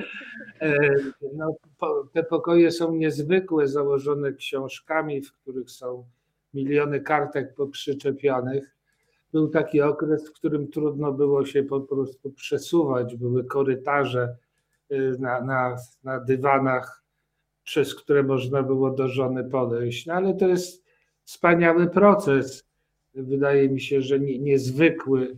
Y, Ja wierzę w te czakry, o których żona mi opowiada, że wychodzi na tak zwany spacerniak do ogrodu i, i czeka Otwiera na mi ten, się przepływ, przepływ te- mi się otwiera. na ten moment, w którym te myśli złote spływają. Ale też to się zdarza w innych miejscach. Wychodzi z łazienki po porannych ablucjach i ma zapisane kartki. Jak ona to robi, nie wiem. W każdym razie jest to fascynujące. Y, Zupełnie co innego niż ja potrzebuję do tego, żeby stworzyć, stworzyć jak, jakiś obraz, jakąś fotografię. E, ale obydwoje jesteśmy w tym sensie eremitami, że ta praca polega naprawdę na rozmowie z samym sobą.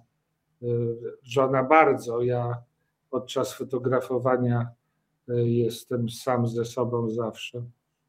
Także to, to cie, ciekawe bardzo, myślę, i chętnie no, nawet o tej banalnej fotografii porozmawiam. To mnie przeraża to, co się dzieje dzisiaj, bo właśnie czytam o sztucznej inteligencji, która tworzy obrazy tak niezwykle realistyczne, że już do, do stworzenia ich nie jest nic potrzebne poza, poza wyobraźnią. Myślę ze strachem o tym, bo to będzie kolejny, kolejne narzędzie, które będzie oduczało nas interakcji, emocji, zamykało nas w tym takim wirtualnym świecie, y, który no, do, dość poważnie dewastuje młode pokolenie. No właśnie, czyli będziecie mieli Państwo o czym rozmawiać na pewno. Ja bardzo dziękuję dzisiaj za to, że nas Państwo nakarmili dobrym słowem. Dziękuję za te porcje i poproszę o dokładkę. A ten obrazek, to ramię, to przytulenie, ja sobie to w ogóle taką stopklatkę teraz robię, na twardym dysku w głowie mi się zapisuje i to spotkanie mi będzie grzało przez lata. Pięknie dziękuję. Małgorzata Niezabitowska, Tomasz Tomaszewski byli u Państwa w domu. E, to życzę spokojnego wieczoru i wspaniałego tygodnia. Do zobaczenia w takim razie. Dziękuję ze, bardzo. ze wzajemnością. Dziękujemy wszystkim Państwu, którzy byli tutaj z nami. Bardzo dziękuję. Światłość i mrok, światłość na finał. Tego nam było dzisiaj potrzeba. Bardzo dziękuję. Polecamy Państwu i pozdrawiamy oczywiście wydawnictwo Znak. Dobrej nocy, do zobaczenia. Do zobaczenia.